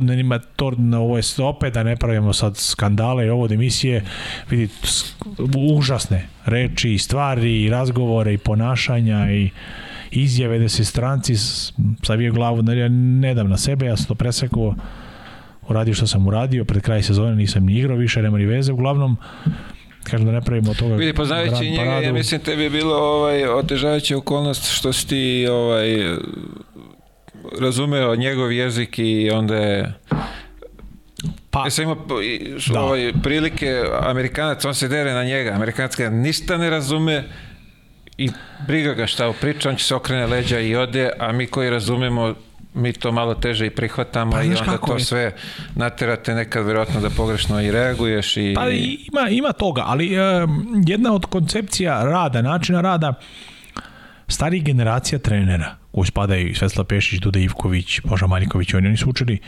ja sam razgovoran s Dudom, pa kaže Duda, me gubimo ovde, bre, kaže Burazeru, ja vidim da prelo mi konkretno pričao o utakmici finala sa sa CSKA kada oni gube kod Olimpijakos 2011. 12. ne mogu sjetiti, nije ni važno kad 10. i dan, ne znam, osvaja ono printeziju za 1 sekundi uh i kaže kako da probudim ekipu i ja uđem i najebem se majke naduvam Spanulisa najjačak znači bio on je alfa muč taj Spanulis i ali razlika mangaš Duda ono Duda Spanulis otvori oči Duda skapirao to je taj koncept da ti napadneš najjačeg, da i ostali vide, da se ustuknu, evo te ovaj satra Spanulisa. Ali on je na duvo Spanulisa, frajer, kaže i namigno. Namigno, posle. Namigno, vidi posle, kao go, pišu kod Dudo šta je, ma sve okej, okay, samo igraj, to mu rekao. Duda mi priča, znači sve okej, okay, ono, ono, igraj. Ne kažem treba ići uz dlaku, nikom ništa, ali on je to uradio javno, sad ja razumem taj deo, moment i ja sam svestan, to sam prežavio karijeru da i treba, i ti da si mi glavni igrač, ja bi tebe najviše jašio, tebe najviše čekujem, ali ne bi ti jašio u smislu, ovo je bilo konstantno, možda ok, najašim da probudiš njih, nemoj ti me jašaš svaki dan za sve čoveče to je emotivno crpi ljude. Da, to je psihički. Znači mora ne može više to to strašno ljudi, to je to su ti momenti kada mu nagazi pa pusti pa nagazi pa nagazi i njega, nemoj ti samo preko moje leđa da budiš crncaj. Pa teraj ga bre iz kluba, majke mu ga nabijem ko god Nemca i ovo. Pri tome crnac koji ne razume ovaj što mu verovatno priča. I zabole ga, agent mu rekao to i on znači sad, sad ti uporno hoće ga preko moje grbine. E to su stvari koje da, da, one pre više to shvatao i dan, danas funkcioniše tako, da on vređanjem drugih drži tenziju. To, ta, ta, da, ali to ne bi trebalo u to, tim razmerama da ide. Eto, to je jednostavno, zato mi je to ekstremno teško palo i bože moj, preguro, profesionalac, A reci mi sad, kada to je, da je to i najteži moment u tvojoj karijeri, taj mm. period u, u Bayernu? Pa jeste. Jeste, ovaj, uh, kažem opet, povezujem emotivno, jer ja um, kako bi rekao, pa da reka, da, karijeri, jel, ajde ako izuzmem ovo, maknemo moje porodično, što ne treba niko da zanima, naravno, to što sam ja imao svojih porodični problema, imam, nemam problema. Životni tok, jel, otac umro, ne treba da otiče ni meni bog posla, daleko od toga, niti ja niko traži sa žaljivotim, ja imao ni daleko, ali ja nisam košarkaški zasluživao to što sam proživljavao. Ja to jednostavno, to mi je teško palo, ja nisam znao šta sam ja to toliko loše učinio da imam takvu torturu kod čoveka pritom i ja, mene ko zna, a ja kroz karijeru sam, ja nisam, ne znam, imao sam evidenciju da 10 godina nisam propustio, da 11 godina jedan trening, jednu utakmicu. Ja sam, nisam ja najvredniji, najbolji na treningu. Šibicar sam ja, da se mi razumemo. Volim ja malo, ja se zjebavam i da, ali sam i veliki radnik bio, ne bi napravio to da nisam radio ko pas. Ali nisam propuštao, ja sam veliki vojnik u tim stvarima. Znači, ekstremni vojnik, nema kod mene kašlje, nema zebancije, nema tih ja nikad pogrešno nisam reč lošu reku, uvek sam nasmejan, uvek da sam takvu torturu prolazio da su mi ono što čini kao da sam najveći skot, ono, znaš, igrao si sa nekim in, da izvineš ono indijancima i budalama stvarno koji su loši ljudi. Ja sam bre, i ja ne mogu sebi da povežam šta ja to radim pogrešno da, omen, da ja ovakvu torturu prolazim, šta se deš, šta da promenim ja, da shvatim, čekaj bre, ne menjaj sebe Duško, nije bre do tebe. Pa ajde prihvati jedan da nije do mene, ja dosta mi ono, ja, ja moram radim na sebi, ne moram, ne, nego je on jednostavno, to su loši ljudi koji mene tretiraju loše. Ja jednostavno, ne, ako nikad do sad i ni posle nisam naišao na to, znači de facto je problem nije bio u meni.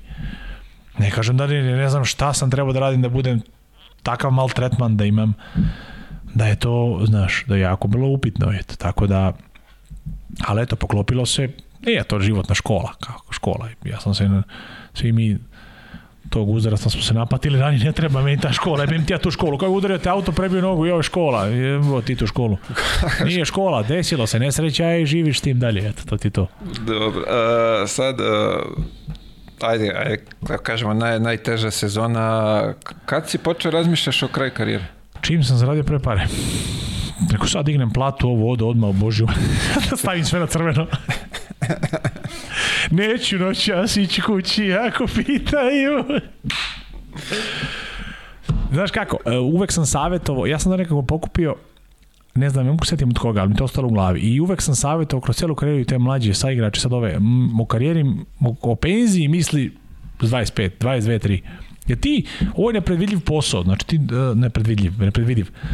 Ne, ne možeš ti znati ishode, ovde e, sreća kao faktor prisutna 24 sata, celu karijeru.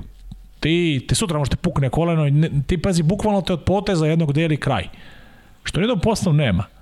Čiju se ti baviš i arhitekturom i ovim, ti povredio se, ne povredio, ovdje bukvalno zaviš od svog fizičkog iz, iz autobusa nagazi izvorni zlob, nemate, znaš, ne, ne, ne, to nemate. Tebi je kraj tog života, znači, sportski vek je jako kratak ako izvučemo da neku statistiku, imaš Gigi Buffona koji brani 42 godine, jebi ga, pa on diže normu. Ali je kratak. I ti ne znaš šta će biti s 30, 25, jedan šta, pričam sa Vujketom, recimo, Milošem Vujenićem, drugarom mojim, i su da nam batali te godine, ja kažem, dobro, kako ti je opalo, te baš godine kad je batali, možda sledeće, kaže, vidi Savane, ja sam presrećan, on je stao s 30, 31. Kaže, mogu, ima dve operacije pred nego što da, da. da. ta Miloš Vujenić je jedan od najvećih talenata, ne samo talenata, nego dokazanih i najbolji bekova, ono, čovjek živa vatra, bre, bek, neverovatna brzina, šut. Kaže, ovo je isto moglo da mi bude iz 20.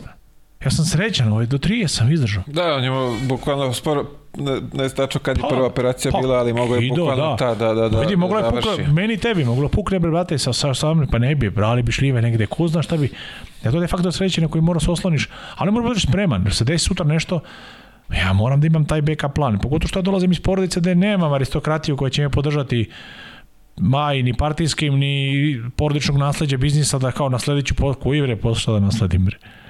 nema šta da nasledim, nešto što stvorim, znači od pravit ću od tog materijala koji imam. Da, da. Tako da sam tu uvek bio spreman uh, Zato reku, od penziju koju sam i kad god došla, ja ću imati neku opciju da radim i mislim imao si kraju, plan, da, imao si da, plan, razmišljao da, si kad da, je kraj, razmišljao si o kraju, a imao si i ujedno i plan šta će raditi posao. Tako je, i nije mi, ne, ne sme teško da mi padne, jer čovjek je živ stvor, baš, baš, pa, pa, pa, sve nema tu. I mnogo ulazi u te probleme nas, naši kolega i sportista da u tu letargiju pa ide post porođenu depresiju što ovaj, imaju po, po, na završi se karijeru i ti sad upadneš u depresiju, ne možeš se nađeš nigde. Znaš, sportisti su jako, nisu oni baš školovani ljudi. S te strane, nemaš ti vremena ni za drugo nego za taj sport surovi koji traje 10 sati dnevno treninga, od velika su tricanja.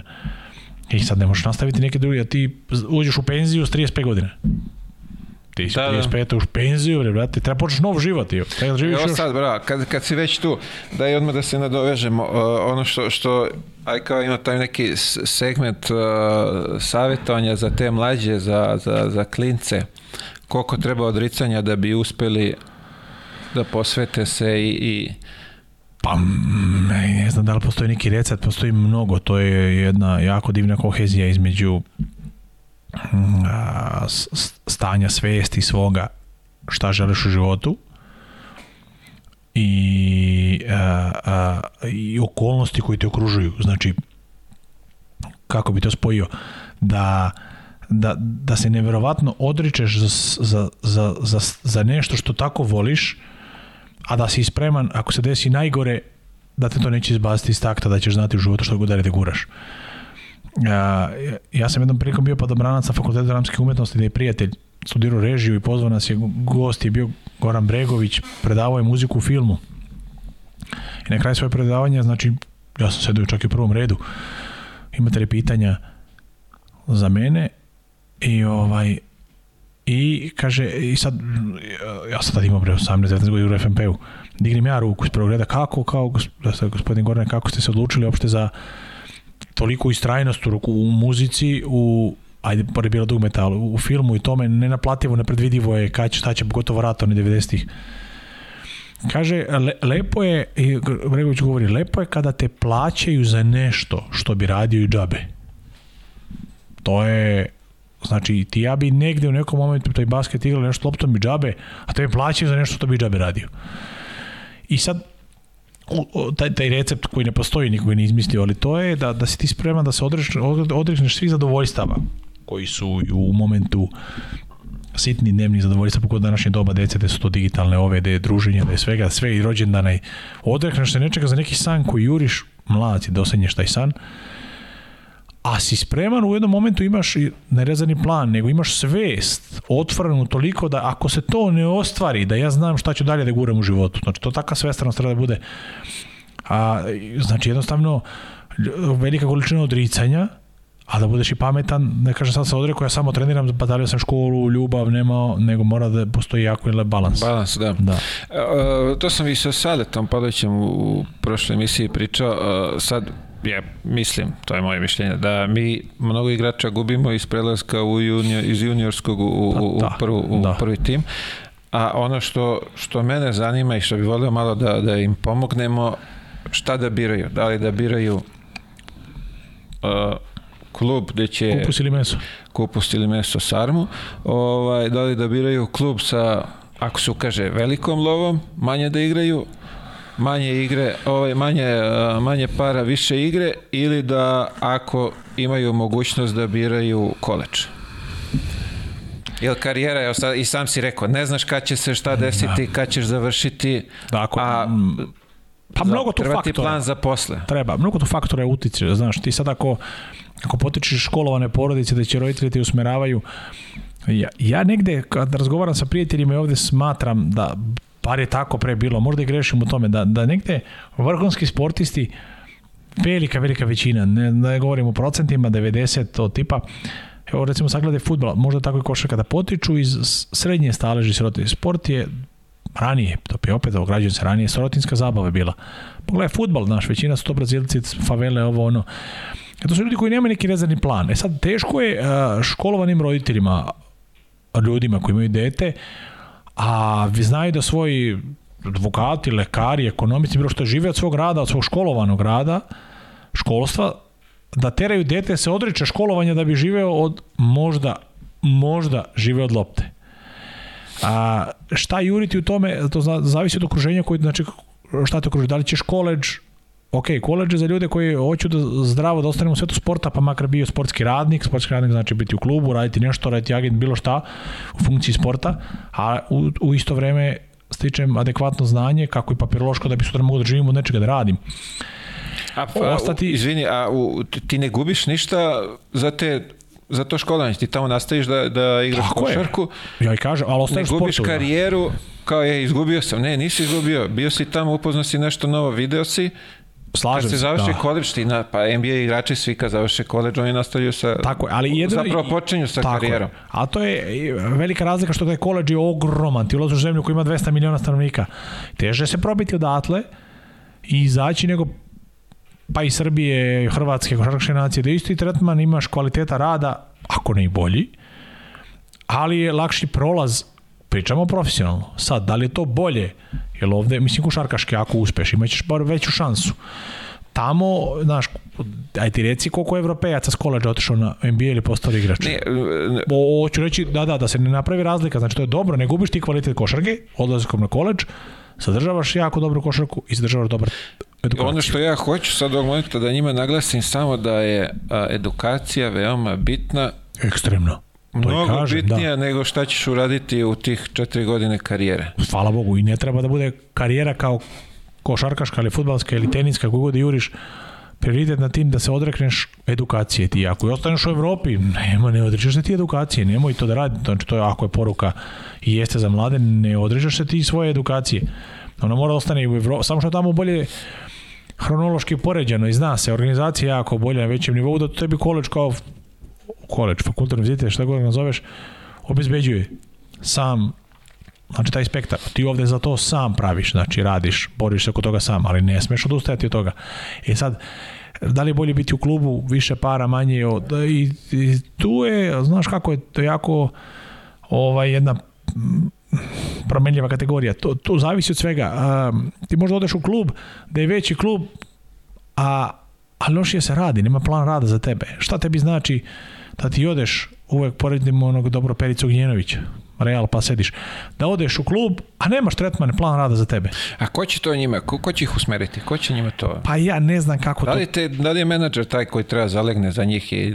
Ne znam, e, trebalo bi u principu i menadžer da se, ba... ako je mladi igrač u nekom ulasku i polasku u te vode, da se on pozabavi, i da se u razgovoru s klubom, odabiru kluba i ima plan, ideja rada za to, ok, koji je vaš plan za Mileta Ilića, šta ćete vi s njim prve godine, druge godine, treće, četvrte, eto ok, držimo se nekog osnove, sad da li će malo se skrene, da ili ne, to je drugo. To zavisi, i to je dvosmerna ulica, to zavisi od tebe i od kluba, znaš, i sad, ja mu kažem, ok, plan za, za, za tebe je taj, taj, taj, i za tri mjeseca se promeni treneri i pada u vodu i plan i sve šta meni vredi.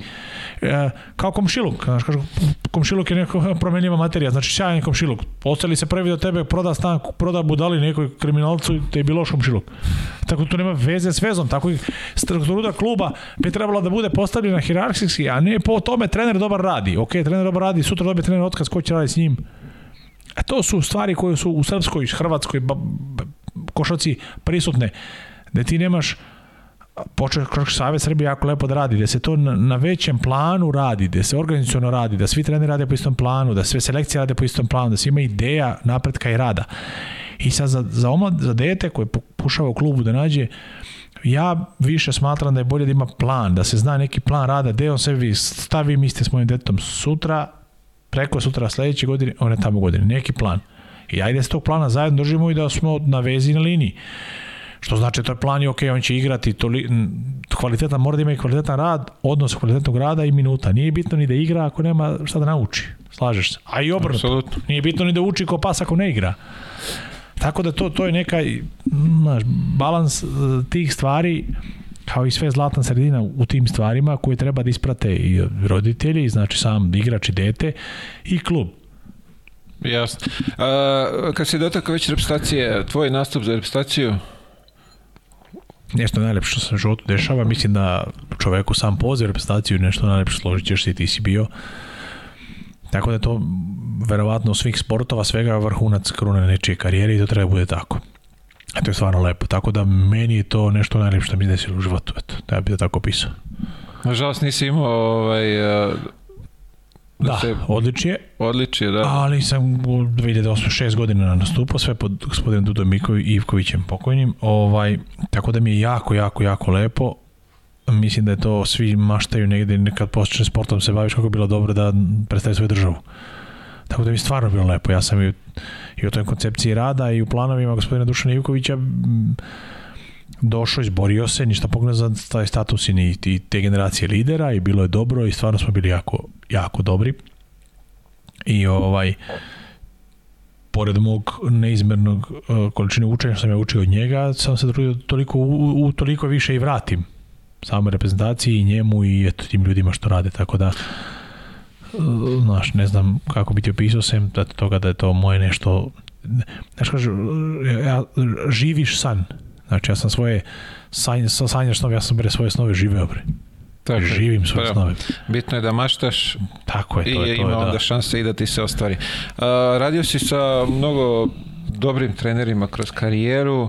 A, sad me zanima od koga si ti više naučio? Od trenera ili od, od saigrača? I, e, to baš uporno, pošto sam zadnjih godinu dana sa mojim prijateljem Aleksandrom Zmijancem uh, formili napravili jednu platformu Akademiju Vojvoda, baš koju se bavimo individualnim radom sa, sa igračima, a, poloprofesionalni profesiji naravno, upravo potencija na tome, imam dosta intervjua po tom pitanju i, i ja sad, znaš, kako, nekonvencionalne intervjue i sva što se čuje od mene, ja sam takav nisam baš da sam skandal majster, daleko od toga, ali volim da iznesem svoje mišljenje jer ja stojim i svog, branim ga ja sam stavim da branim svoje mišljenje i da volim dobre razgovore i ja učim svaki dan. o Pa da smo u sredini ovaj, u, u, u A, kojoj mišljenje može da, pa da zaboli drugu stranu. Pa može, pa onda nema ni veze, do, ali sam za da sedimo da pričamo o tome. Na, ja učim, vidi, imaš vremena i prostora da me ubediš svoje mišljenje i prihvatit ću ga. Ako me uveriš,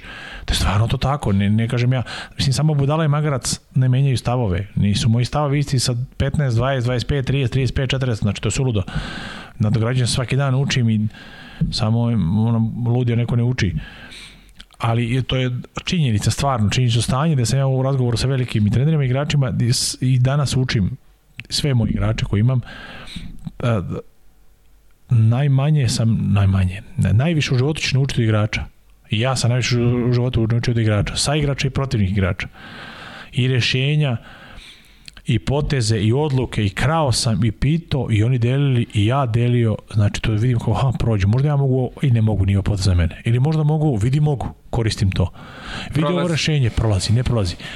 Sa, ako se vratimo samo sekund Dudu Ivkovića u krucijalnim momentima velikih utakmica kad smo igrali, on je voleo da kaže uvek uzme tablu, uvedi Iliću, dodaj ovome, Markoviću, Jankoviću, nije važno, dodaj i onda se proderali svojim ponudite rešenja. I sve je govorio, nudi rešenje, bre, ponudite rešenje. I on je tako zasnivao, naravno nije svaki napad bio takav, ali voleo je to da izbaci jednom, jednom i dva puta utakmici, da nas tera, ponudi bre rešenje. On sam govorio, od igrača se najviše uči. Ti sam staneš strane, gledaš neku, u, vidiš, vidiš ovu opciju. Znači igrači sami nude rešenja. Trener ne pravi igrača. Moraju svi da shvate u svim sportovima. Nikad trener ne pravi igrača. Trener je tu da pomogne, on je pomoćno sredstvo da se igrač stvori i napravi. Ja ne mogu, ne može niko nikad da napravi igrača ako to igrač u sebi nema elementarne stvari, karakter, naravno talent je mnogo upitna stvar, šta je talent, mnogo stvari to utiče da bio trener, ne možete napravi. Ja sam napravio, ne znam, ovog i onog, i jes, što nisi od svakog napravio onda. Pa je li tako je? Pa ne može, kad bi to tako pravilo, nije, mora mnogo faktora. Igrač je stvara, mora ima karakter, volju za rad, odricanje, sreća je, faktor da je sreće 90% da si zdrav, da si prav, da te okruženje da nema rata. Pita, evo sad 15 godina u Ukrajini što živi, da li ima faktor sreće? Pa nema možda mu najbolja godina ovo prekinuo ga rat. Ma mislim, milion stvari ti ne opišem šta je zdravlje i toga. E onda kad sve, kad sve to nasabereš, sabereš, znaš, kad staviš na gomilu, koliko to utica ima, stvara se sam trener, tu ne pravi trener je pomoć sredstvo. Ja volim da kažem kao lepeza kada otvoriš u kafanu, onu pa da daju meni, pa ga otvoriš ono voliki, pa imaš od plodova mora do orijentalne kuhinje, ono, znaš, njihovo je da ponude sve, a tvoje je da izabereš šta ćeš. E, to je trener. Trener je taj meni, da otvori, da ponudi, a ti sam da se, da vidiš šta može, da je upotrebljivo za tebe. Divno. A, e, da se dotaknemo NBA, pratiš li Ne. Ne. Tačka. Ok, idemo dalje. Pratim, naravno, vrlo malo nešto osnovno, naravno, ne u tolikoj meri ni, ni evropsku, Euroligu mnogo je, mnogo ga ima, znaš, pitaj po salsičara ili želja šećera, ma brat, nisi želja. Da, Nisi no, željan kada im stalno, da. bre, imaš, pa, mi kad smo bili deca, bilo je, gledao si, ustao si noću da bi gledao utakmicu. Sad imaš 30 kanala po 24 sata dnevno, pa se kazuju, ne možeš više, znaš, no, prezasićeni smo. Samo iz tog razloga gledam veće utakmice, bitnije da, to ispratim da, ali da kažem da pratim ne, na nekom dnevnom nivou ne.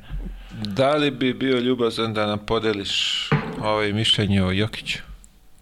Ne, ja tu jedno to kap u moru vrednijih ljudi koji misle i bolje mišljenje o tome imaju čovek je veoma naravno ekstremno talentovan veliki radnik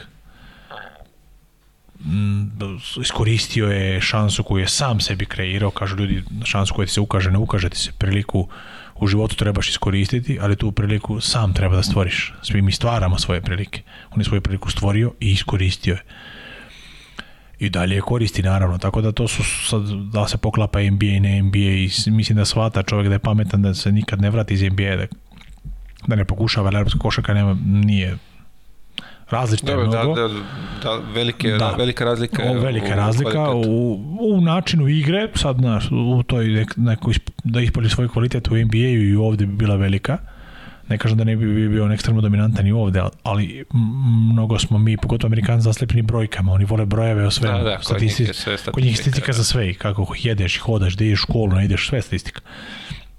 Tako da u toj meri i njegovo ime ima veći značaj zato što je okruženo velikim brojevima, ciframa, statistikom. Uh, on to tamo jako dobro opravdava, samo sam ja pričam o njemu. Uh, ali ovaj, i samo bi voleo da ostane tamo, da i celu karijeru provede tamo, da ne pokušava da juri neke duhove dokazivanje da on sad može ovde i onda nema potrebe. Znači, to je jedno... Mislim da on stvarno i nije tip koji nešto juri da, da dokazuje se nekom... Pa, da, da, pa, sebi. Kroz ove njegove izjave vidimo da uopšte on Al, kažem, zanima ga da će stavovi se menjaju. da, on sad ima 20 i koliko godina? Ima 25, 6. Da, može. Čekaj, 35. Ko sa Sabonis pa se vrati još 40 da igra Evroligu Ja igram protiv njega. Frajer, žagiri su bio tada. Utrojiš ga, onda da koš, posoli nas ovako sve okolo. Ko ti je, a ima, znači, šta je trebalo sa bonicom, ali opet, znaš, ne znam šta će kvrcne u glavi. Ali eto, bilo bi lepo da, da ne mora da, da, da se vrati tu čovjek koji je, ne kažem van seri, ajde kažemo van serijski jeste, poklopilo se, naravno neviđeni talent, ali je radnik, ljudi, on je, nemamo sve da prepisujemo neko kao ja, Bog mu je dao, on nije Bog dao ništa, bre, on radi, iako delo je sklerotično, flegmatično, drugačije, veliki on, vi veliki ljudi, znaš sam, teže je tebi ustati i sesti i sve drugačije, ali veliki radnik ne bi on bio Naravno, tu da, da nije jeste, radnik da. ne bi od, od tako onog da. bocka došao do ovog što je. Ma svega, tako, ne bi on mogao da 40 pojena na talent. Ne bi ovaj, da. Kao ja, on ima osjećaja, ma ima. Treba da se radi. Jasno. Tako pa da. Jasno, upravo tako. Uh, još jedno, uh, ajde da kažemo, jedna neprijatna situacija u poslednje vreme imao si sa, vezano za onaj intervju za, za, za selektora, za repstaciju. Pa znaš ne, kako, ne, da. Stoj, stoj, ne zanima me uopšte kako se to, nego me zanima samo, pošto većina naših kolega, ovaj, nema ih u medijima a, baš iz tog razloga što da. ni novinari ne vode računa šta će da, da napišu i, i tu i oni gube svoje i posle se bune kao zašto neće da priča za novine. Pa da, da, to, to si u pravu. Uh, sad, sad ja tebi bi tu savjetovo tvojih kolega, nisu ni tvoji kolege, Znači, ja sam... Ne, ne, ne da. mislim ja na novinare, novinare nego ne, mislim na naše uh, kolege da, da, košarkaše koji, kojih to, nema, u, poč, počevo od uh, Miloša Teodosića Bjelice nigde, koji neće, neće, da razgovaraju iz tih razloga zato što Eto. su izgubili njihove kredite u, baš zbog tih situacija. Upravo to je meni desilo. Jel ti, oni žive od dana za sutra, to, je, to su prostori koji njemu je, što kaže ovo ovaj jedan, ne kaže mi, moj prijatelj dobar, kaže, brate, od klika se živi. Znaš, mu je bitno da klikne. Ne mora čitaš vest, bit, samo je bitno da je skandal.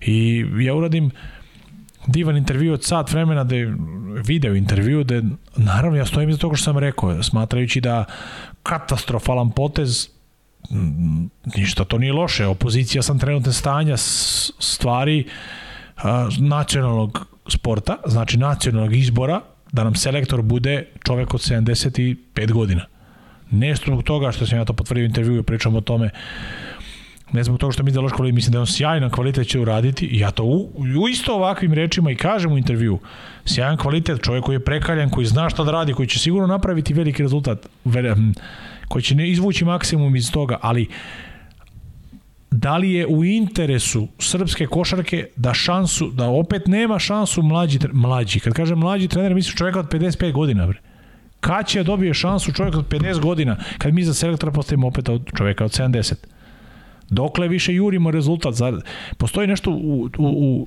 sportu koje zove se trenersko stablo. Znaš, nisi još ušao u trenerske vode, možda i nećeš, pa to je trenersko stablo. Da treneri prave trenere. I za sebe ostavljaju trenere. Ti moraš da ostaviš nekoga da nasladiš ko će. Ajde, napravimo projekat, dali smo Koška u šansu godinu dana, bilo prošlo, oterali ga Pimotrali, u smislu različno se nije priča prošla s njim, on je pokazao da može sa Slovenijom, ne može s nama. Nebitno, ne vraća taj intervju, nego taj intervju je prošao takav kakav da je bilo, ja sam pozitivno prvi put u životu rekao o tom čoveku kom ne mislim ništa lepo, ja sam pozitivno rekao profesionalno s te strane. Izvukli su deo Savanović, Naplju, da, da, to opet. je ono što se samo, oni, oni iz, ljudi, bre, izvuku taj... Ja jarenje, bre. Sidi posle da bi oni da... dobili naslov. Da ja dobili... posle pitam, dao sam čoveku Vanju pitam, Vanja, kakav je ovo intervju? Pa kaže, moj urednik je izvuko ovo, ja nemam kontrolu. Ti nemaš kontrolu nad svojim intervjuom. Pa kao nemam urednika, pa koji sam ga kurat, da izvineš, ovo je, ajde, podcast mogu i da psujem koji sam ti ga kurac i davao intervju, on ti nemaš intervju na svojim intervju, što nisi to objasnio, da praviš skandal od mog lepog intervjua. Pričali smo sad vremena lepo košarci. Što oni, ne, ne, ne ne znam, ne znam da. kako im je objasniti, zaštiti, oni, da. oni tim gube, gube, gube bre, gube bre igrače, neće Ali ne ljudi da- zanima, da, i dolaze da im... novi, doće mlađi, novi, opet će to se kotrlja, otiće pa stari, doće da, ovi, ali... neće, njega ne da zanima to, i to ti to. Zato mislim, Malo je sve to, zato Jeste, će to posle bude kao, ej, neće priča, neće, neće. onda se ljute na, na, ne znam na koga, zato što neće da, pa neće ti da intervju zato što Isto, hoćeš da zloupotrebiš prvu glupost koju bude rekao. Praviš skandal skandal, ako hoćeš, stvarno stoji, ali nemoj toga izlači, ja sam to rekao, sve to, to, to stoji, ja ili takvi, ali nemoj da praviš skandal od toga, znači nemoj da praviš ti bum klik da bi prodao to, da je napuniš taj dan, to, to, to budalaština, praviš od mene budalo. Ja, e, dobro ste rekao, ovaj klik, da znate tamo isto kod mene, ovaj na kanal klik, subscribe, share, subscribe sve to, da, da. Sve što je on rekao da ne treba, pustite ga sad. Tako je. Sad misli obrnuto. ovaj, da, da završimo, da privodimo kraju. Uh, poslednje pitanje, uh, kad bi mogao da menjaš nešto u karijeri, jel bi menjao? Ođeo sam Belog juga od 2000 do 2005. to bi promenio znači više sam pod njim bio nego u njemu. Ne bi. Ne bi u životu, ne bi menio ništa, misli, znaš kako je lepo, a, ako razmišljaš malo o tome, ljudi ne donose, mi možda donesemo pogrešne odluke iz ovog aspekta, ali u tom momentu kad doneseš što je najbolja moguća odluka, zato ja nikad ne bih menio ništa. Jer ja svaku odluku koju sam doneo, ja sam doneo najbolju moguću u tom momentu. Moja odluka od 2005. je bila najbolja moguća u tom momentu ako ja gledam s ove tačke gledišta, pa svaka je pogrešna, može da se potumači pogrešno. Jel tako? I tvoja. Ti bitno je da si u tom momentu svog života donio da ispravno. Ja gledajući tako, kad sagledam jednog momenta nisam sebi rekao, ok, aha, u prošlosti sam donio tu odluku, ali znao sam da je glupa, ali sam ipak donio, nisam. Ja sam donio najbolju, ja sad donio sam odluku da to da uradim.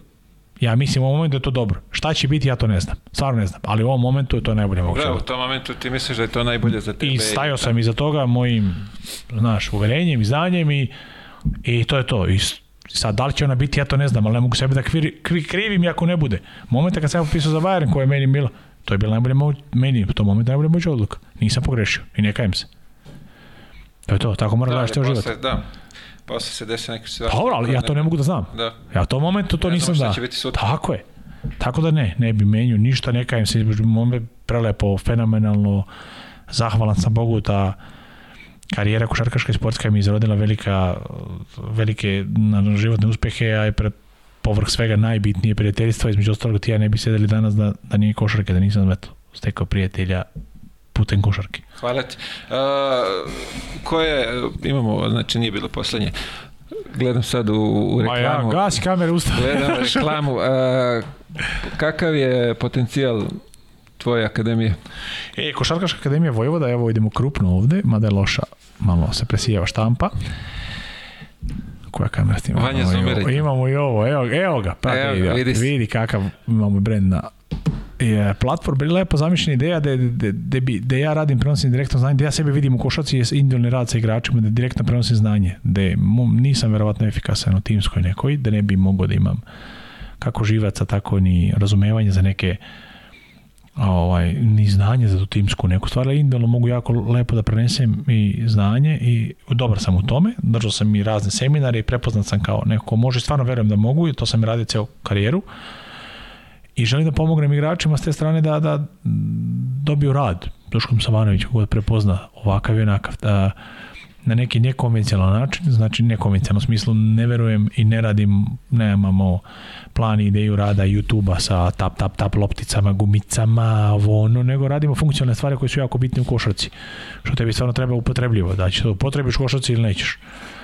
A, tako da eto u ovom momentu jako lepo funkcionišemo, gospodin Aleksandar Salez Mijanjac e, i ja, a, radimo s našim igračima, imamo ih popriličan broj, jako su dobri momci, unapređuju se i eto mi smo tu, ako treba nekom naše usluge, slobodno da se javi Akademija Vojvoda, možda nas naći i na Instagramu i na i na Facebooku i na sajtu i na Na banderama nas nema ono još, ali ne lepit ćemo i to. Vid, da. taj vid reklame. A, će bude neki kamp na leto? Kamp treba, da, bit će kamp sad krajem juna, posle ovih, posle vidodana i toga, taj početak jula i krajem juna, to će biti jedan kamp. Kamp nemam koncepciju komercijalnog kampa, znači kamp će biti dok se dopuni do nekih 16 igrača i to je to neg na jednu količinu i naravno po potrebi bi bio i sledeći, jer to baza je bukvalno da se kvalitetno radi sa svakim i ako se ukaže prilike bilo bi još jedan, drugi pa i treći, tako da sigurno imamo prvi sad krajem ovaj, krajem juna, tako da eto ovaj poziv ako i koji toga te pogleda može Naravno, ako da... je neko zainteresan da mu njegovo ovaj, znanje prenese Duško Savanović, naći ćete ih, šta smo rekli, Instagram, Instagram, Facebook, Facebook. svuda imaju sajt, naravno www. Akademija Vojvoda. Akademija Vojvoda, da, pogledajte, kontaktirajte. Savane? Hvala. Hvala tebi. Ovaj, šta... da, što bih rekao, u, danas si doneo veoma jednu dobru odluku. Došao si ovde kod mene u podcast. Da li će ona da bude dobra, vidimo sutra. da, sjajna. Hvala ti puno, naravno. Da, znaš da bi ja i u pola noći došao, pogotovo da ovakve lepe stvari, što drago mi što si okrenuo, želim ti puno sreće. znam da ćeš doneti i dovesti ovde u fotelju mnogo, mnogo dobrih i boljih sagovornika i boljih ljudi od mene imaš veliki krug prijatelja, iskoristi to i nek ljudi čuju naravno sve strane priče ovih sporta koje si ti otvorio tu temu, koja ne postoji, to je neka ne kažem zabranjena Pandorina, ali jedna de, deo, jedna strana sporta koja nije načeta i niko stvarno to ne zna, jako delo je jako lepo, interesantno za čuti, tako da želim ti puno sreće i sigurno će biti fenomenalno. Hvala, bilo mi je zadovoljstvo ovaj, pričati sa tobom, Dragi gledalci, hvala i vama. Budite tu sledeće nedelje, novi gost, nova priča. Prijetno.